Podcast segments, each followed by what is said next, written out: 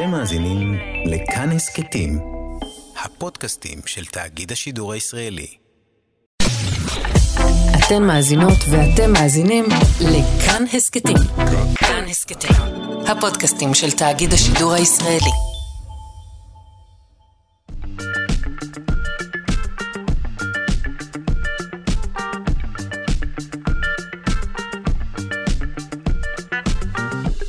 שלושה שיודעים.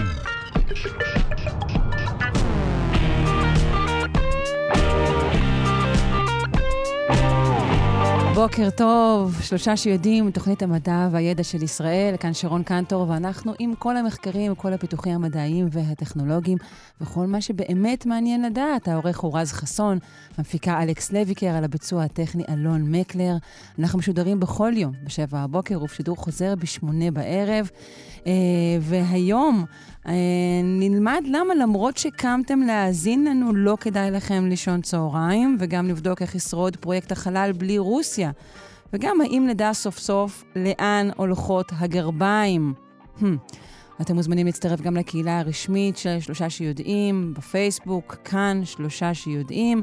אה, אפשר גם להאזין לנו בכל זמן אחר, כהסכת ביישומון של כאן וגם בכל אופן אחר. אנחנו כבר מתחילים אה, עם השאלה איך נחשון הים יכול לסייע לנו בשיפור תהליכים הנדסיים. אה, חוקרים מהטכניון גילו שמעורבותו של קלצית הוא המסייע לאורגניזמים בים בייצור מבנים שונים, כגון פנינים, עצמות או שריון. אנחנו נוכח כאן עם נופר ביאנקו שטיין, דוקטורנטית בקבוצה של פרופסור פוקרוי בפקולטה למדע והנדסה של חומרים בטכניון. בוקר טוב. בוקר טוב. אז אה, איך באמת יצורים ימיים מייצרים אה, מבנים כאלו? אוקיי, okay, אז אני אתחיל מזה שהעבודה שלנו חוקרת את התחום של ביומינרליזציה, שזה התהליך שבו יצורים חיים באמת מייצרים מינרלים. ומה שאנחנו חוקרים זה את הקשר בין המבנה שלהם לבין התכונות שלהם, בעיקר התכונות המכניות. וראינו שרואים, יודעים שהטבע מייצר אה, חומרים שהם הרבה יותר משופרים ביחס לזה של האדם. ולכן ממצאים אה, מהסוג שאנחנו מראים יכול באמת לשפר תהליכים אה, הנדסיים. וכפי שאמרת, אנחנו התמקדנו בקלצית שמכיל מגנזיום, והראינו במחקר שאחת האסטרטגיות הנפוצות בטבע כדי לייצר אה, שלדים שהם חזקים ועמידים בפני סדקים ועיוותים, זה שיקוע של ננו חלקיקים של קלצית שהם עשירים במגנזיום, בתוך מצע שהוא דל במגנזיום. והמבנה הזה הוא, הוא זה שמחזק את המבנה. אוקיי, okay, זה, משהו, הזה, זה כן. משהו באמת שבני אדם יכולים לאמץ לעצמם? כן, אז יש לנו יכולת לסנטז, אה, ליצור גם קלצית מועשר במגנזיום במעבדה, אה, ואנחנו צופים וכבר אה, מתחילים לעבוד על מבנים שיהיו עם הננו חלקיקים האלה, ככה שהם באמת יהיו חזקים יותר, המבנה באופן כללי. אוקיי, okay, באילו חיות התמקדתם? אה, חקרנו, אה, זה היה מחקר אה, מאוד גדול, חקרנו תשעה יצורים שונים, שהם גם מממלכות שונות, יש גם צמחים וגם בעלי חיים, וחקרנו גם נחשוני ים, גם עצות אדומות, אלמוג, גם כוכב ים וקיפודי ים. אז באמת הראינו את זה במגוון מאוד רחב של... זה יצורים שהם שונים מאוד זה מזה, נכון? כן, אז ביולוגית היצורים האלה מאוד מאוד שונים, אבל מה שמשותף לכולם, זה הכמות מגנזיום שנמצא בתוך השלד שלהם, וזה בעצם מה שמוביל ליצירה של הננו-חלקיקים. אוקיי. Okay. אמ, um, בואי תספרי קצת על איך בעצם בפועל המחקר הזה נעשה. אז אנחנו um, חוקרים גם uh, אצלנו במעבדה באמצעות של uh, שיטות מיקרוסקופיה, וגם השתמשנו במאית חלקיקים שנמצא בגרנובל בצרפת. Mm. כן, הוא בעצם אה, מאפשר לנו לקבל אה, גם אה, קרן עם עוצמה גבוהה מאוד, וגם לקבל רזולוציה מאוד טובה. וכך mm-hmm. אנחנו יכולים לזהות מבנים מאוד קטנים, כדוגמת הננו-חלקיקים שזיהינו. אז זה עניין מאוד מאוד עדין, נכון? שינוי מאוד קל של רמת המגנזיום משנה את כל העסק, נכון? את, ה- את הקשיות של החומר. כן, מאוד קל.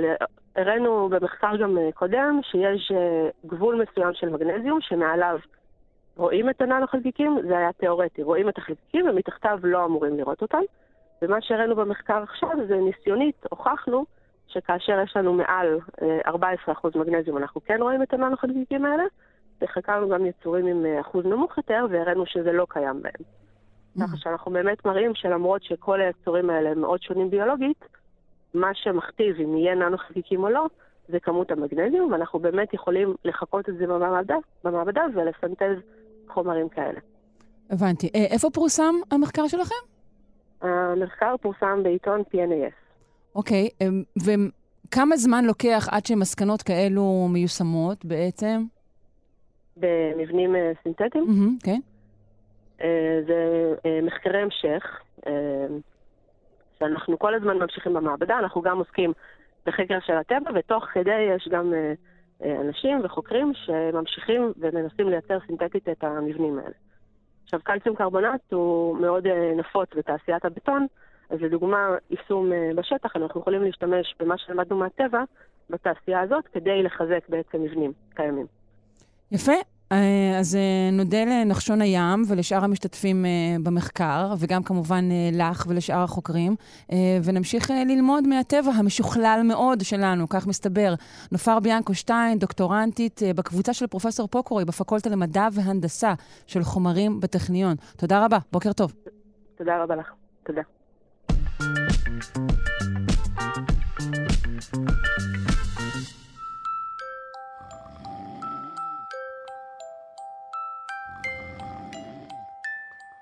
אל תיקחו לנו את השנץ. בבקשה, אל תיקחו את השנץ. מחקר חדש ומקומם מבחינתי, חושף קשר בין נמנומי צהריים לבין ירידה בתפקוד קוגניטיבי ואלצהיימר. מיד נשמע אם מדובר במשהו רציני או בעוד uh, מזימה קפיטליסטית למקסום שעות העבודה. אני רוצה לפנות לפרופסור איתן אוקון מהפקולטה למדעי החיים באוניברסיטת בר אילן. בוקר טוב. בוקר טוב על אף המנגינה המנמנמת הזו, אנחנו צריכים ככה להרים את הקצב.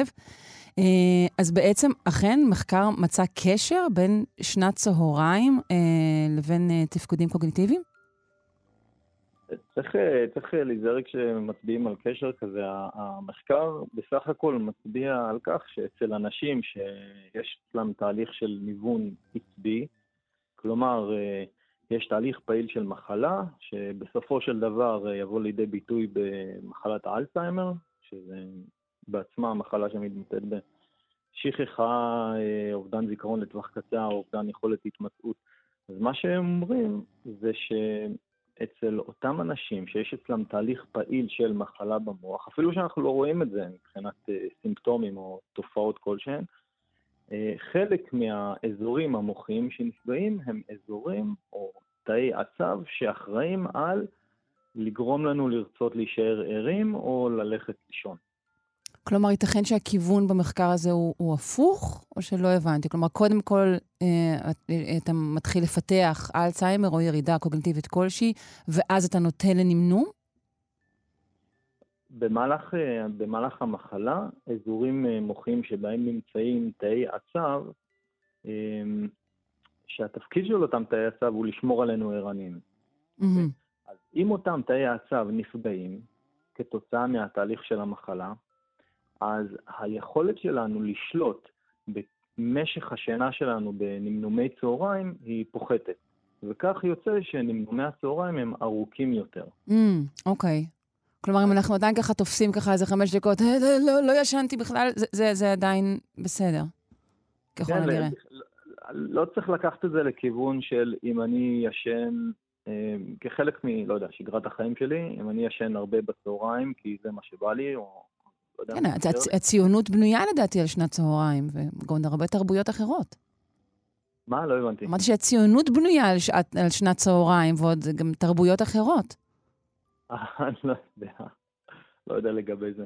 אבל uh, הנקודה היא שמי שכן מחליט לישון, בין אם זה קטע ערכי או תרבותי או לא, זה לא שהוא הולך לחלות באלצהיימר כתוצאה מזה.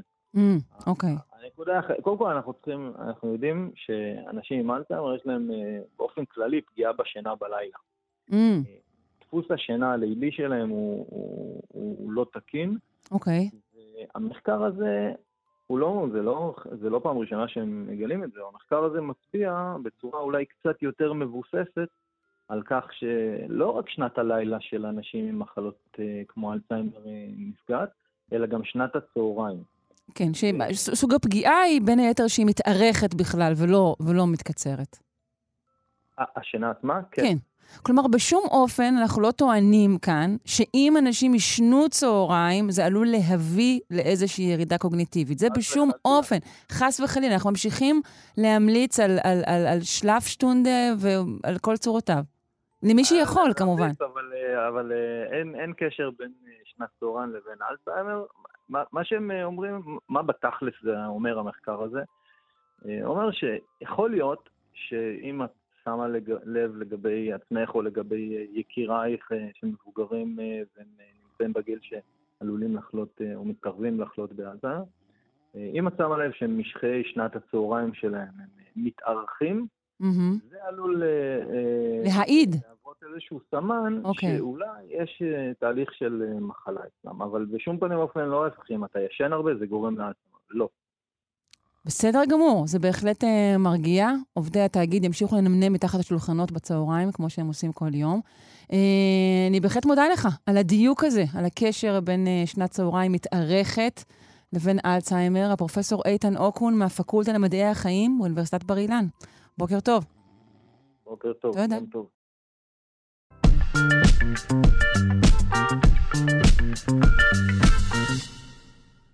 אל תחפשו אותי בגוגל, שרון קנטור לא מופיעה בפסקי דין. הזכות להישכח הופכת להיות נחשקת יותר ויקרת מציאות יותר בעידן המידע, בו כולם רוצים בעיקר להיזכר ולהיראות. השבוע נודע, עם זאת, שגוגל מתכוונת לאפשר מחיקה של יותר פרטים אישיים שלכם, אזרחים תמימים, ברמה כזו או אחרת כמובן, ממנועי החיפוש שלה. אנחנו מיד אה, נבין אה, למה, איך, אילו פרטים אפשר למחוק, לא, לא את כל הפרטים אפשר למחוק. אה, כדי אה, לעשות אה, סדר בחידוש הזה, או אולי בעצם חזרה מסוימת לאחור, אנחנו רוצים לשוחח עם הדוקטור ערן טוך. הוא חבר סגל וראש המגמה להנדסת תעשייה וניהול באוניברסיטת תל אביב, וחבר במכון צ'ק פוינט לאבטחת מידע. בוקר טוב, דוקטור טוך. בוקר טוב, שרון. מה שלומך? בסדר גמור. יופי. אז אה, קודם כל בואו נשאל בעצם מה החידוש כאן. מה בעצם גוגל מאפשרת לנו לעשות, או, או to undo? כן, בעצם אה, גוגל אה, בזמן האחרון מאפשרת לנו פשוט למחוק את המידע עלינו. זו תוצאה של כל מיני דברים שקורים בעולם, בעיקר של חקיקה חדשה, שאיתה יש לנו את הזכות להסתכל באיזה מידע ענקיות האינטרנט וחברות טכנולוגיה בכלל מחזיקות עלינו, ואפילו למחוק אותו. זאת חקיקה שהיא אופיינית למדינות מסוימות יותר מאשר לאחרות? נגיד באירופה יותר התחיל... מחמירים מאשר המקומות אחרים? כן, כן. אז זה התחיל בעצם באירופה עם ה-GDPR, אה, ואז זה לאט לאט התפשט לכל מיני... רגע, תחזור על, על ראשי התיבות? כן, GDPR? זה, זה GDPR, אה, ראשי תיבות שלא לא, אה, מוכרים ליותר מדי אנשים, ה-General Data Protection mm. Regulation. אוקיי. Okay. ואז גם קליפורניה חוקקה חוק, ה-CCPA, הודו חוקקה חוקי הגנת פרטיות, אפילו סין. Mm-hmm. חוקקה חוק, חוקי הגנת פרטיות שכמובן לא כל כך חלים. כל הכבוד לסינים, כן. כן. מה קורה אצלנו בתחום הזה? כן, כשלסין יש חוק הגנת פרטיות יותר מתקדם מאשר אה, שלך, זה באמת שאלה. כן. אמ, ולמרות שבעצם החקיקה מתייחסת אה, רק למדינות שבהן אה, היא קורית, בעצם חברות טכנולוגיה כמו גוגל שמפתחות, יש להן מתכנת שמתכנתים שמפתחים משהו, אז הם כבר משתמשים בזה במקומות אחרים. אה, אז... ما, אה, מה היחס בישראל לעניין הזה? מה, מה רמת החקיקה בישראל? אז אה, בישראל יש לנו חוק הגנת פרטיות כללי, mm-hmm. מיושן למדי, נכתב ב-1980. Oh. בצד הטוב, אז יש לנו חוק, כי יש מקומות בעולם, כמו ארצות הברית, שבהם אין חוק הגנת פרטיות כללי. אוקיי. Okay. זה נחשב חוק כללי, בסך הכל מעודכן, סליחה, בסך הכל אה, אה, מקיף. הבעיה היא שהוא אה, מאוד לא מעודכן, יש פה כל מיני דברים ארכאיים ומוזרים, למשל, מאגרי מידע, אם יש לך מאגר מידע שיש בו יותר מ-10,000 איש. אז זכותי אז... לבוא עם טיפקס ולמחוק את הרשומה. משהו כזה. אהה. ואת צריכה לרשום אותו ברשם מאגרי המידע. זה כן. דברים נורא מוזרים, ממש ממש זה מוזרים. בעיקר דברים שנכתבו לפני אה, השימוש הנרחב באינטרנט. כן, הם דמיינו ספר גדול עם הרבה מאוד דפים שבאים ו- ורושמים אותו. מהמם.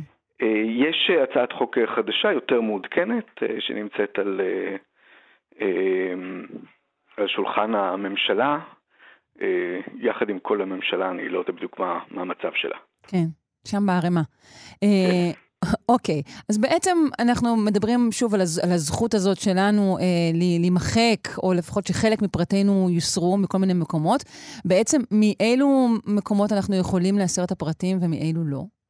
אז אה, אני ממליץ ל- לשומעים מהמם. לעשות את הניסוי הזה. בעצם אה, אפשר אה, כמעט בכל שירות אינטרנט שמשתמשים בו, אם אתם ואתן לקוחות של אה, אפל או אמזון או גוגל או מייקרוסופט, אפשר אה, לחפש את, ה, אה, את מרכז הפרטיות שלהם, את The Privacy Center או משהו בסגנון הזה, מהמם. ופשוט לבקש מהם את המידע עליכם, ואז הם בדרך כלל הם עובדים על זה כמה שעות ושולחים לכם קובץ עצום עם כל המידע שהיה לכם מאז ומעולם. וואו, זה כמו ספר זיכרונות מרגש כזה. אני- עשיתי את זה כבר כמה פעמים. אוקיי. אה, ואז אני יכולה לסמן וי קטן בתיבות של דברים שאני לא רוצה שיהיו שם יותר? זה, זה תלוי בממשק, בדרך כלל, אה, זה, לצערי זה לא כל כך מתקדם, אבל אה, אפשר או למחוק אלמנטים מסוימים, או למחוק את כל המידע, או פשוט לראות מה היה. אבל רגע, נגיד הוזכרתי בכתבה שעוסקת באכילת רמסים בפרהסיה, באיזשהו עיתון. אני לא יכולה להסיר את הכתבה הזו. האם אני יכולה להסיר את שמי מהכתבה הזו? לא. זה תלוי באיזה מדינה את, אה, את גרה, ויש מדינות אה, שונות עם חוקים שונים. אה, בישראל בעצם את לא יכולה להסיר את שמך מ- מרוב הכתבות, בוא נאמר את זה ככה, זאת אומרת, אתר חדשות לא מחויב להסיר כתבה שאת מוזכרת בה, כי יש את אה, זכות הציבור לדעת, וצריך לאזן בין הזכויות האלה. מהמם. במקומות אה, מוזרים כמו גרמניה היה למשל מקרה אה, שמפורסם בתקשורת, אה, ששם אה, פשוט אה, אנשים שהורשעו ברצח ביקשו להסיר מידע על זה שהם ביצעו רצח, ובגלל שחוקי הגנת הפרטיות... אולי הם רצו לעבוד בגן ילדים. משהו כזה. אהה. אז, ואז הם פשוט הם הסירו את, את שמם הכתבות, והעסק הלך והסתבך כי הם רצו גם להסיר את, זה, את שמם מוויקיפדיה, רק שוויקיפדיה מנוהלת בקליפורניה, וזה כבר לא הלך להם. אה, בישראל הדברים, אה, בעיניי לפחות, אה, מעט יותר מאוזנים, ויש להניח שאתר חדשות שאת תפני אליו ותרצי שיסירו את השם שלך לא יאפשר את זה. מהמם. אז, אז, אז מה כן? איפה כן? פסקי דין, שזה מה שאנשים בטח מאוד רוצים. זה אפשרי? בפסקי דין יש... כן, פסקי דין זה גם, זה גם נושא מעניין. יש הליך שבו אפשר לפנות ל- לכל הגופים שמנהלים את פסקי הדין, אבל אה, אה, בעצם אה, הם לא מחויבים, כל החברות, תקדים, כל החברות האלה לא, לא, לא מחויבים בכך לעשות את זה. יש, מתוכננת איזושהי רפורמה שהרעיון שלה הוא לנהל את זה, שלפחות בפסקי דין יחסית פשוטים, השם לא יופיע באינטרנט מאז ומעולם, אבל אין איזה משהו מסודר. אז עוד לא שמעתי ממך על משהו שאני יכולה בבירור פשוט להסיר את עצמי ממנו, את יכולה ולא יהיה לו. זכר. כן, אז את יכולה להסיר את עצמך מגוגל, את יכולה להסיר את עצמך מ- מאפל, את יכולה להסיר את עצמך מפייסבוק, אה, וכל ה- כל המקומות שבאמת מקבלת שירות כאתר אינטרנט. לא כתבו עלייך, כן? אמ, אוקיי. אה, אולי לך כשעון קנטור יהיה יותר, קצת יותר מסובך, אבל אה, אה, אם את רוצה עכשיו אה, לדאוג שחברת פייסבוק, אינסטגרם, לא. לא, לא יהיה לה מידע עלייך, את יכולה לפנות אליהם. והם מחויבים, לפחות על פי החוק, לעשות את זה. לתבוע והם מוחקים את זה שם. מכאן, כאן וכאן, אבל אולי איפשהו שהם שומרים את זה שם, שם ושם זה כן. נשמר? כלומר, אם... בדיוק. נכון? כן. כן. יש איזה מקום כזה.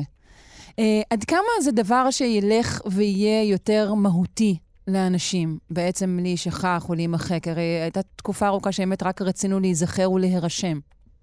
אנחנו עדיין רוצים להיזכר ולהירשם, אבל אנחנו רוצים אה, אה, אה, שתהיה לנו שליטה על מה נזכר, מה קיים, איזה, למי יש מידע עלינו ומה לא. אמ, אז אני חושב שאנחנו רואים את, ה, את העולם מתקדם לכיוון יותר, אה, יותר מאוזן, שבו אה, אם פעם חשבנו שהכל דטרמיניסטי, מעכשיו אה, הפרטיות שלנו מתה ו- וכל מידע עלינו יהיה תמיד קיים, אז, אז אנחנו מגיעים לעולם שבו כן חברות, יש להן חובה חוקית כבר אה, לשמוע לנו כמי שהמידע הוא עליו, כמי שהם בעצם, כ data subject. ו... אה, שם יפה לבן אדם, data subject, כן. נחמד, זה, כן. זה, זה קצת אה, הופך אותו ללא, זה קצת מעקר את ההומניות. כן. ככה, ככה אירופאים קוראים לבני אדם. כי זה, זה קצת מורכב, כי לפעמים יש גם מידע על למשל חברות שאת קשורה אליהן, ויש מידע על... אה, חיות ואולי... כן, יש אנשים שבאמת יהיה להם נוח אה, להימחק, אבל בעצם יש להם אחריות ציבורית אולי. כן, אז באמת האיזון הזה, שהוא איזון מאוד מאוד חשוב, אז הוא מאוד משמעותי. זאת אומרת, ה... אה, בעצם מחלחלת איזושהי הבנה שהמידע עלינו הוא לא תמיד רלוונטי רק לנו. יש מידע שהוא סופר רלוונטי לאנשים אחרים, ואנחנו לא יכולים... אנחנו לא יכולים להעלים כל סוג של מידע. אה, זה, זה יוצר אה, מצבים אה, מוזרים. למשל, כש, כש, כשאני מוכר אוטו משומש ואני שומר את כל המידע עליו ולא מספר לאף אחד, אז יכול להיות שאני בעצם משקר לאנשים אחרים ומטיל עליהם כל מיני אחריות. מידע הוא קצת חמקמק בצורה הזאת. אבל לפחות זה איזשהו צעד שנותן לנו שליטה מסוימת של, במידע עלינו. כן. Um, עד כמה יש, אני חושבת שבכלל יש פנטזיה כזאת uh, של חיים אוף גריד, באמת, אולי מחוץ להכל, מתחת לרדאר הכללי. זה דבר שהוא בכלל עוד אפשרי? Um, פנטזיה מוכרת. Um, אני קצת רואה, um, אני, לא כל כך רואה איך אפשר לעשות את זה כשאנחנו נושאים על עצמנו uh, טכנולוגיה ש... אה, מאכנת את המיקום שלנו בכל רגע נתון, ואנחנו מדברים אחד עם השני דרך אה, אפיקים טכנולוגיים. זאת אומרת, תמיד יהיה איזשהו סוג של, אה, של שובל דיגיטלי שעוקב אחרינו, אם אנחנו רוצים לתפקד בעולם הזה בצורה דיגיטלית, שהיא בצורה שלרוב האנשים היא מאוד מאוד, אה, מאוד, מאוד מתאימה, היא נותנת לזה המון יתרונות. לא, גם בעיקר הקיום לא כל כך מאפשר חיים אחרים, זה קשה מאוד, כן. נגיד, להשתמש רק בכסף מזומן, לא להחזיק טלפון וכו'. בעצם, כן, בעצם אה, בהרבה מקומות בעולם, אה, פשוט אי אפשר, למשל, אפשר. להיות עם כסף מזומן, אף אחד לא מקבל את הכסף. Mm-hmm. אבל מצד שני אנחנו כן רואים שיש איזשהו טרנד כזה שיש יותר ויותר שליטה ב, אה, במידע עצמו. זאת אומרת, אה, העובדה ש, שנשאר שובל דיגיטלי לא אומרת שהמידע הזה תמיד יהיה חשוף לעיני כולם, או שלא נוכל לבקש למחוק אותו, שלא נוכל לשלוט בו, ואני חושב שאופני השליטה האלה דווקא יהיו, ילכו ויתקדמו עם השנים. זאת אומרת, זה בדיוק ה...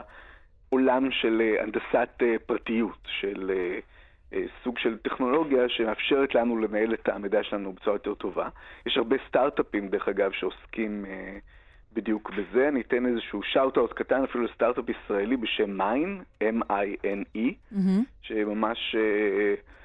שאפשר להירשם אליו ולדעת איזה מידע עלינו נמצא בכל מיני שירותים דיגיטליים, ואז לבקש למחוק אותם בדיוק בגלל ה... אה, בגלל חוקי הגנת הפרטיות שמאפשרים את זה. Mm. אז ה... אה, ובכלל מגלים דברים מאוד מעניינים איפה נמצא המידע עלינו. אולי מתישהו אה, נוכל למכור את זה חזרה לחברות הענק. אתם רוצים את המידע עליי? בבקשה, הוא שלי ואני אמכור לכם אותו. כן, יש, יש אפילו חברות שמנסות לעשות את זה, אבל הנקודה היא שזה מתחיל להזכיר לפעמים אה, אה, כל מיני אה, סרטים דיסטופיים שבאמת אנחנו מוכרים את המידע שלנו ל... עם, כל, עם כל הדברים שמזכירים סרטים דיסטופיים לא היו, מצבנו היה טוב. זה יכול להיות. דוקטור ערן תוך, אני מודה לך מאוד. אה, רק בעצם לסיום, תזכיר שוב, אם מישהו רוצה לנסות למחוק עליו את המידע, איפה הוא נכנס? להגדרות פרטיות? אני, אני מציע אה, פשוט לחפש בגוגל, זה עונה משהו שובה דיגיטלי, okay. אוקיי. אבל אפשר לכתוב אה, למשל פייסבוק, אה, delete all my information, והקישור הראשון או השני שתקבלו יובילו אתכם לדף שמאפשר לכם גם להוריד את כל המידע עליכם וגם למחוק אותו. הבנתי. בסדר גמור. אה, טוב, למי שיש כוח לעבוד בזה ושעדיין מאמין בשאריות של פרטיות, באמת שיהיה בהצלחה.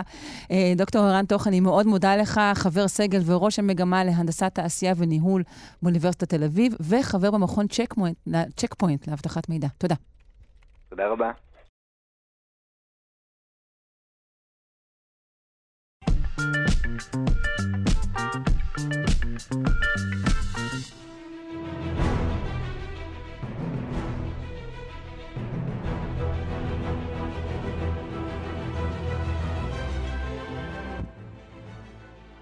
למי שלא מזהה, זו הנעימה של גמביט המלכה, ואומר לכם דבר מה. בזמן שאפשרתם למוח של הילדים שלכם להירקב מול הטלפון, רק כדי שהם לא יפריעו למוח שלכם להירקב מול הטלפון, יש ילדים שעושים היסטוריה. למשל, אלירן שילון רהב, שזכה בשבוע שעבר באליפות העולם בשחמט עד גיל עשר. יש לי הכבוד לשוחח כאן עם האלוף הצעיר ועם המאמן המסור שלו, משה קציר. בוקר טוב לשניכם. בוקר טוב, שבוע טוב. בוקר טוב, שבוע טוב. אלירן, בוקר טוב. בוקר טוב. אה, מתי בעצם הייתה האליפות, אלירן? אה, האליפות התקיימה ביום ראשון ושני. בשבוע שעבר. איפה זה היה? זה היה ברודוס, ביוון. וואו. וכמה בעצם משחקים נערכים בזמן האליפות עצמה? הם לקחו תשעה משחקים. וואו. ב- ב- ב- במשך יומיים, נכון? אמרת ראשון ושני. כן. וואו. כמה התרגשת והיית לחוץ? התרגשתי מאוד, לחוץ פחות. Mm, יפה שאתה מבחין בין שני הדברים. נכון? יש הבדל בין להתרגש לבין להיות לחוץ. כן. אה, וצריך לשמור על רמת ריכוז מאוד מאוד גבוהה, נכון? כדי לשחק בתשעה משחקים. כן. מאיזה גיל אתה משחק שחמט? אני משחק שחמט מגיל חמש וחצי. והיום אתה בן עשר. כמה שעות אתה... לא, אני בן עשר, בן עשר. בן עשר, כן. וכמה שעות בשבוע או ביום אתה משחק? הם, ביום אני שלוש שעות בערך. וואו. אה, אתה מרגיש שזה משהו שאתה... שהוא משתלט לך על רוב היום, או שמשהו שאתה שמח לעשות כל יום מחדש? אה, כן, כל יום עושה כמה שעות, וכל השאר יש לי חוגים. אה, יש לך עוד דברים, יש לך זמן לעוד דברים, זה לא, לא חוסם כן, כן. יש לי, יש לי עוד זמן. אה, נהדר. תגיד, אתה מעריץ איזשהו שחקן? אמ, או שאתה רוצה ללכת בעקבות שחקן מסוים? אה, בעיקר את אלוף העולם עכשיו, מגנוס קרלסן. שמה מיוחד בו? לדעתי הוא השחקן הכי טוב אי פעם בשחמט, ואני אוהב מאוד את המסעים שלו, איך שהוא חושב. אה, טוב, תכף אני אחזור אליך עם עוד שאלות. אני רוצה להגיד שוב בוקר טוב גם למשה, המאמן שלך. היי. אהלן, בוקר טוב. היי. מאיזה גיל אתה מלווה את אלירן ממש מההתחלה? מגיל חמש וחצי? אני מלווה את אלירן אה, מגיל 6. אוקיי. אלירן אה, הגיע אליי, כבר ראיתי שמדובר בילד עם אה, איכויות מאוד גבוהות. איך רואים את זה גבוהות. ישר? זהו, בזה אני מתעניינת. אני פשוט יאמר, הוא הגיע אליי לחוג, נתתי פתרון אה, תרגילים, אה, עשרה תרגילים למעשה נתתי לכולם. מהמם. פתאום אלירן מגיע אליי ואומר, תשמע, אני פתרתי את התרגילים. הסתכלתי בתמיהה, הסתכלתי לראות, בדקתי. לא רק שהוא פתר מהר, הוא גם פתר נכון. והוא עבר גם אה, שחקנים שכבר היו בעלי דירוג, והבנתי איך אומרים, פה יש לי יהלום, שאני רק צריך ללטש אותו ולהכווין אותו, ובאמת, הוא עכשיו מגיע להישגים, הוא גם אלוף הארץ בשחמט, כן. הוא אה, ילד אה, מדהים, ילד בעל יכולות, הוא בן עשר אמנם, אבל יש לו יכולות מדהימות, ואני צופה לו באמת אה, עתיד מזהיר, ילד שיתקדם אפילו לאליפויות, אליפויות עולם לבוגרים כבר, אנחנו מכוונים מאוד גבוה איתו. וואו. יש עם מי לכוון. יש עם מי לכוון, ויש לנו גם תמיכה של מרכז הפועל, תמיכה של... אה, אני למעשה מרכז את מרכז למצוינות אה, בשחמט. יש לנו, שאיפה הוא אה, נמצא? תמיכה מעפולה. בעפולה. מהעיר עפולה, מהמם. כן. ואנחנו למעשה מכוונים מאוד גבוה. יש גם תמיכה מאוד אה, משמעותית של ההורים, שזה שחר ואנושקה, שהם תומכים, באים לכל התחרויות, הולכים ומלווים אותנו. וזה באמת אה, תמיכה שמאוד עוזרת לילד, עוזרת לי באופן אישי. אה, והילד בעל יכולות, אנחנו פשוט צריכים רק לכוון אותו. זהו, אתה עובד עם ילדים, באמת, כמו שציינת, מגיל מאוד מאוד צעיר, ואלו גילאים שאנחנו שואלים את עצמנו בעצם על הפער בין יכולות שכליות ליכולות רגשיות. איך הם מנווטים בין הדברים האלו? תראי, הילד יש לו את שני הדברים האלה אה, יחדיו, שילוב אה, מצוין.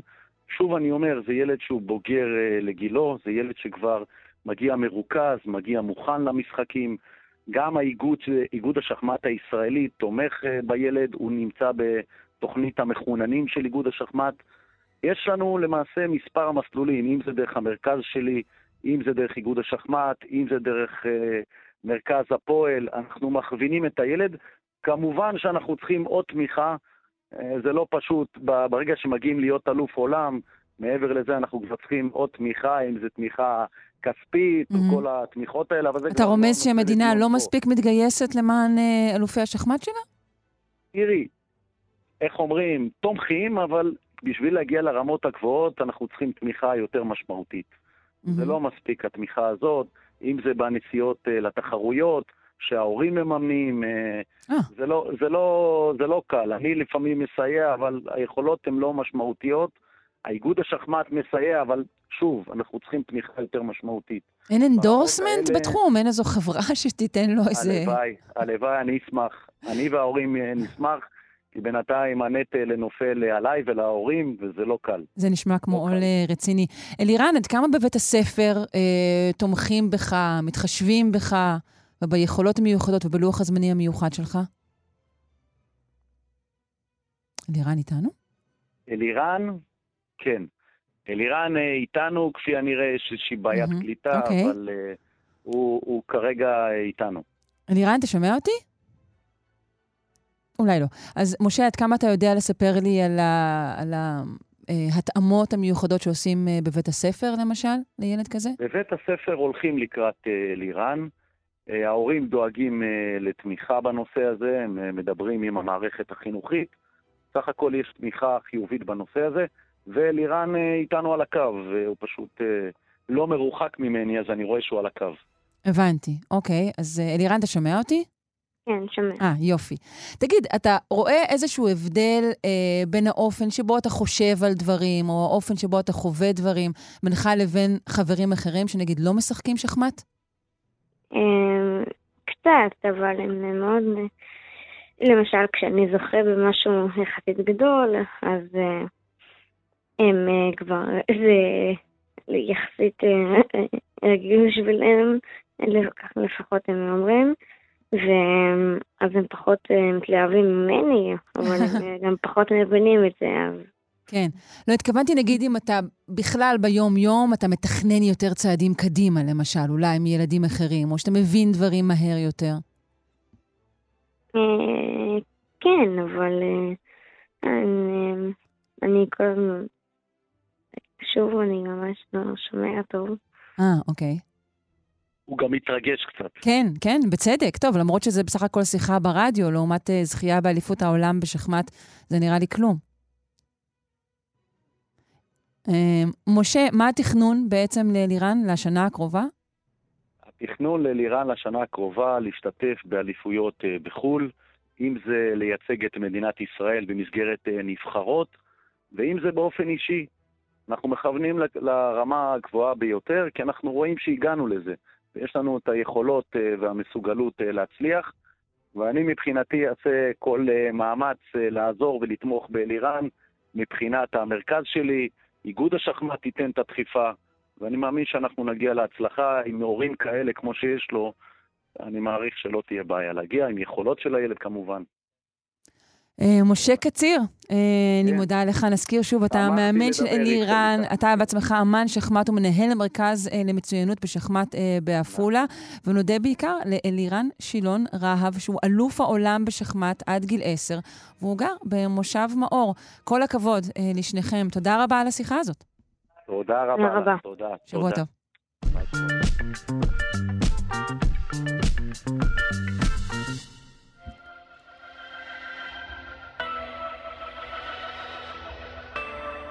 מאי, חודש מאי הוא חודש אה, בריאות הנפש בארצות הברית. אה, נדמה לי שאצלנו בישראל העניין הזה לא מצוין. אנחנו עוברים לפינת החדשנות ברפואה עם הדוקטור מיכל חמו לוטם, מנכ"לית אושייה וראש מסלול עתיד הרפואה והבריאות באקדמיה לעתיד של אושייה. בוקר טוב. כן, בוקר טוב. מה שלומך, מיכל? בסדר, אז באמת אה, בעיניי זה מאוד חשוב, כל הנושא של בריאות הנפש, חוסן מנטלי. אני הרבה פעמים חושבת שהבריאות נמצאת הרבה יותר בין האוזניים מאשר בגוף, כי בסופו של דבר את רואה לפעמים אנשים עם מחלות מאוד קשות, שבזכות החוסן והבריאות המנטלית שלהם חיים חיים מלאים ומשמעותיים, וגם לצערי הרבה פעמים אנשים עם בעיות אישיות, שלא לדבר על בעיות, אה, מתמודדי נפש שיש להם, יכולה להיות להם בריאות פיזית תקינה, אבל החיים שלהם באמת גיהינום. כן. אה, אז באמת אה, לאור ה... כלומר, הבעיות עצמן קיימות והן אובייקטיביות, אבל מן הסתם האופן שבו אנחנו מתמודדים איתן, המבנה הנפשי שלנו מאפשר להן להיות קטנות או גדולות. לגמרי. יותר מזה, ראו אה, השפעות אה, דרמטיות במחקרים של כלת פרס נובל, אה, אנשים שמפרשים את המציאות הנוראית שלהם בצורה אה, פחות נוראית, נגיד אימהות לילדים עם אה, פגיעה מאוד קשה, 95% מהם באמת יש אה, הזדקנות מוקדמת, קיצור של הטלומרים בקרומוזומים, אבל 5% מהם שלא ראו את המציאות של לגדל ילד מאוד מאוד פגוע כנוראית, לא ראו את זה. זאת אומרת, החוסן שלנו והנפש שלנו משפיעה על תוחלת החיים שלנו, משפיעה על, על התקצרות הקצוות של הכרומוזומים שלנו, עד כדי כך הגוף נפש מחוברים, אבל אני כן רוצה להגיד פה שני דברים לפני שאנחנו צוללות. אחד, שמחקר חדש שיצא, מצא ש-60% מהאנשים באמת מנסים לשפר את האישיות שלהם, את קווי האישיות שלהם. זאת אנשים מבינים, וכך גם המחקר אומר, שאומנם האישיות זה דבר מאוד משמעותי, אבל היא משתנה, היא לא קבועה, היא לא מונוליטית, ויש אפשרות אה, אה, להגדיל את החוסן, לשפר את, ה, את הבריאות המנטלית, לשפר את אה, תחושת ה-well-being, את תחושת האושר. וזה יפה 60 אחוז. והדבר השני זה שבכלל, מה זה החוסן הנפשי הזה? זה בעצם מונח שמתאר את היכולת של בני אדם להתמודד עם מצבים של שינוי, של דחק, של משבר, של אסון ולהסתגל. כן. אבל לכל האנשים יש כאלה מצבים, זה לא שיש אנשים שיש להם חיים טובים ורעים. יש לכל בני אדם לאורך חייהם משברים, כאבים, סבל. נכון. אז, ואז השאלה באמת איך אה, מגדלים או מגבירים את יכולות ההתמודדות, את אה, תחושת התקווה, למשל. מסתבר mm-hmm. שאנשים שיש להם יותר תקוותיות, הם מתמודדים יותר טוב עם... תקוותיות? איזו הטיה מעניינת. נכון. אוקיי. כלומר, זה, זה מה שקראו אופטימיות פעם, או... גם, אבל... אבל לא בדיוק, נכון? יש פה איזה שינוי. יש, יש ניואנס, כן. אוקיי. אופטימיות בעצם אה, גם יכולה להיות לגבי המציאות, אבל גם לגבי העתיד. אתה יכול להגיד, המציאות עכשיו היא קשה, אבל העתיד יהיה טוב. ברגע שנכנסת התקוותיות, זה אומר גם מוקד שליטה פנימי. וזה עוד אחד הדברים שחוזרים נורא חזק אצל כל החוקרים, למשל אה, סוזן קודסה, שהיא מאוד אה, חוקרת מובילה בתחום של חוסן, רואה שאנשים שמפתחים את החוסן שלהם, הם מצליחים לראות את הקושי כאתגר זמני ולא אירוע משתק. ואז הם אומרים, אוקיי, יש לי פה שיעור, מה הכישלונות, מה הטעויות, מה אני יכולה או יכול ללמוד, איך אני יכול לצמוח מזה, והסיפור פה הוא באמת מוקד שליטה פנימי. Mm-hmm. אני, אני אולי לא יכולתי לשלוט בנסיבות, קרו לי דברים רעים, אבל יש לי תקווה שיהיה לי יותר טוב, ויש לי שיעור ויש לי פרשנות על המציאות הזאת, כמשהו שהוא גם מצמיח ולא רק אה, רע. זהו, לגבי הפרשנות והמציאות, כי באמת יש הרבה יותר דיבור, שוב, אנחנו, אנחנו תכף ניגע גם באזורים קשים יותר של בריאות הנפש, אבל באמת בתחום של, ה, של השיפור העצמי, אני חייבת לומר שהנטייה לדבר הרבה על שיפור עצמי, לפעמים נראית לי על, על חשבון השיח של שיפור המציאות כשלעצמה. כלומר, כן, וואו, נראה גרוע, מרגיש גרוע, אין כסף, ישראל, בלה בלה בלה, אבל אני, אני אתמודד, אני אראה את זה נכון. זה לפעמים עשוי להסיט בעצם את המוקד ממאבקים שקשורים למציאות, העיסוק בחוסן המנטלי שלנו. אני חושבת שאחד המשפטים, א', זו הערה מאוד מעניינת, מה שאת אומרת, אחד המשפטים הכי חשובים בתחום של חוסן, הוא משפט מאוד מוכר שאומר, לי, תן לי את האומץ לשנות את מה שניתן לשנות, את ה... לא זוכרת מה, להשלים ממה כן. שלא ניתן לשנות, ואת החוכמה להבדיל בין השניים. אבל מה לגבי אלי, תן לי את הזמן לעשות את שניהם, גם להיאבק מאבקים פוליטיים במציאות וגם לשמור על נפשי. אבל גם לקבל את מה שלא ניתן. אני חושבת שחלק מהעניין הוא באמת, וזה באמת לראות אה, אה, מה כן אפשר לשנות. ולכן אמרתי לך, תקווה, תשמעי, תקווה יכול להיות בן אדם שעבר אירוע מוחי קשה, וכמו כל מה שהוא מקווה זה שהוא יעבור תהליך של שיקום מפרך, ואז הוא יקום ויצליח ללכת לשירותים על הרגליים שלו. כן. זה, זה, וזה שזה דבר שהוא חשוב מאוד. מאוד בהחלמה של אנשים, נכון? נכון, ולכן אני אומרת, זה לא מדובר רק פה על שתהיה לנו מדינה שראוי לחיות בה, שזה תקווה שכולנו מקווים, אבל רוב האנשים יגידו, איך אני, אני יכול להשפיע? יש באמת דברים שאנשים צריכים להשקיע המון מאמץ בשיקום שלהם.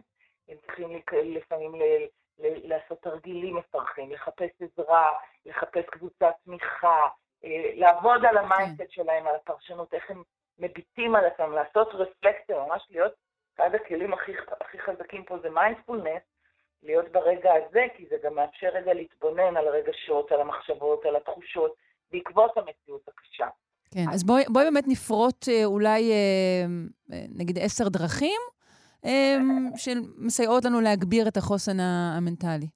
אז באמת יש לא מעט דרכים, ואני רגע נגעתי בכמה מהם, אז אני רגע אמסגר אותם. הראשון הוא באמת איזשהו סוג של אה, פרספקטיבה, אה, ממש להביט על המציאות ולמצוא משמעות גם באירועים רעים. זה כבר נשמע כמו פתרון, הרי הבעיה היא למצוא משמעות, כשאין משמעות בשום דבר. נכון, נכון, אבל הרי בסוף הכוח של כל אדם הוא גם ליצור מעון משמעות בדברים וגם לפרוק דברים עם משמעות, כשהם הרי דברים שפעם היו נראים לך בטח הכי גורליים בעולם, לכל אחד מאיתנו, עוברות כמה שנים וזה כבר לא משמעותי. אז זאת מיומנות, היכולת לעשות רפלקציה, אה, וגם לטעון ממשמעות וגם לפרוק ממשמעות, וגם להיות במיינדפולנס, זה לכאן ועכשיו, למה mm-hmm. שקורה, להביט על המחשבות, להביט על הרגשות. אלה, דבר, אלה שתי דרכים מאוד חשובות. עוד, עוד, אני אגע בעוד אחת שאני נורא אוהבת, כי המון מחקרים מדברים עליה, זה היכולת לתת.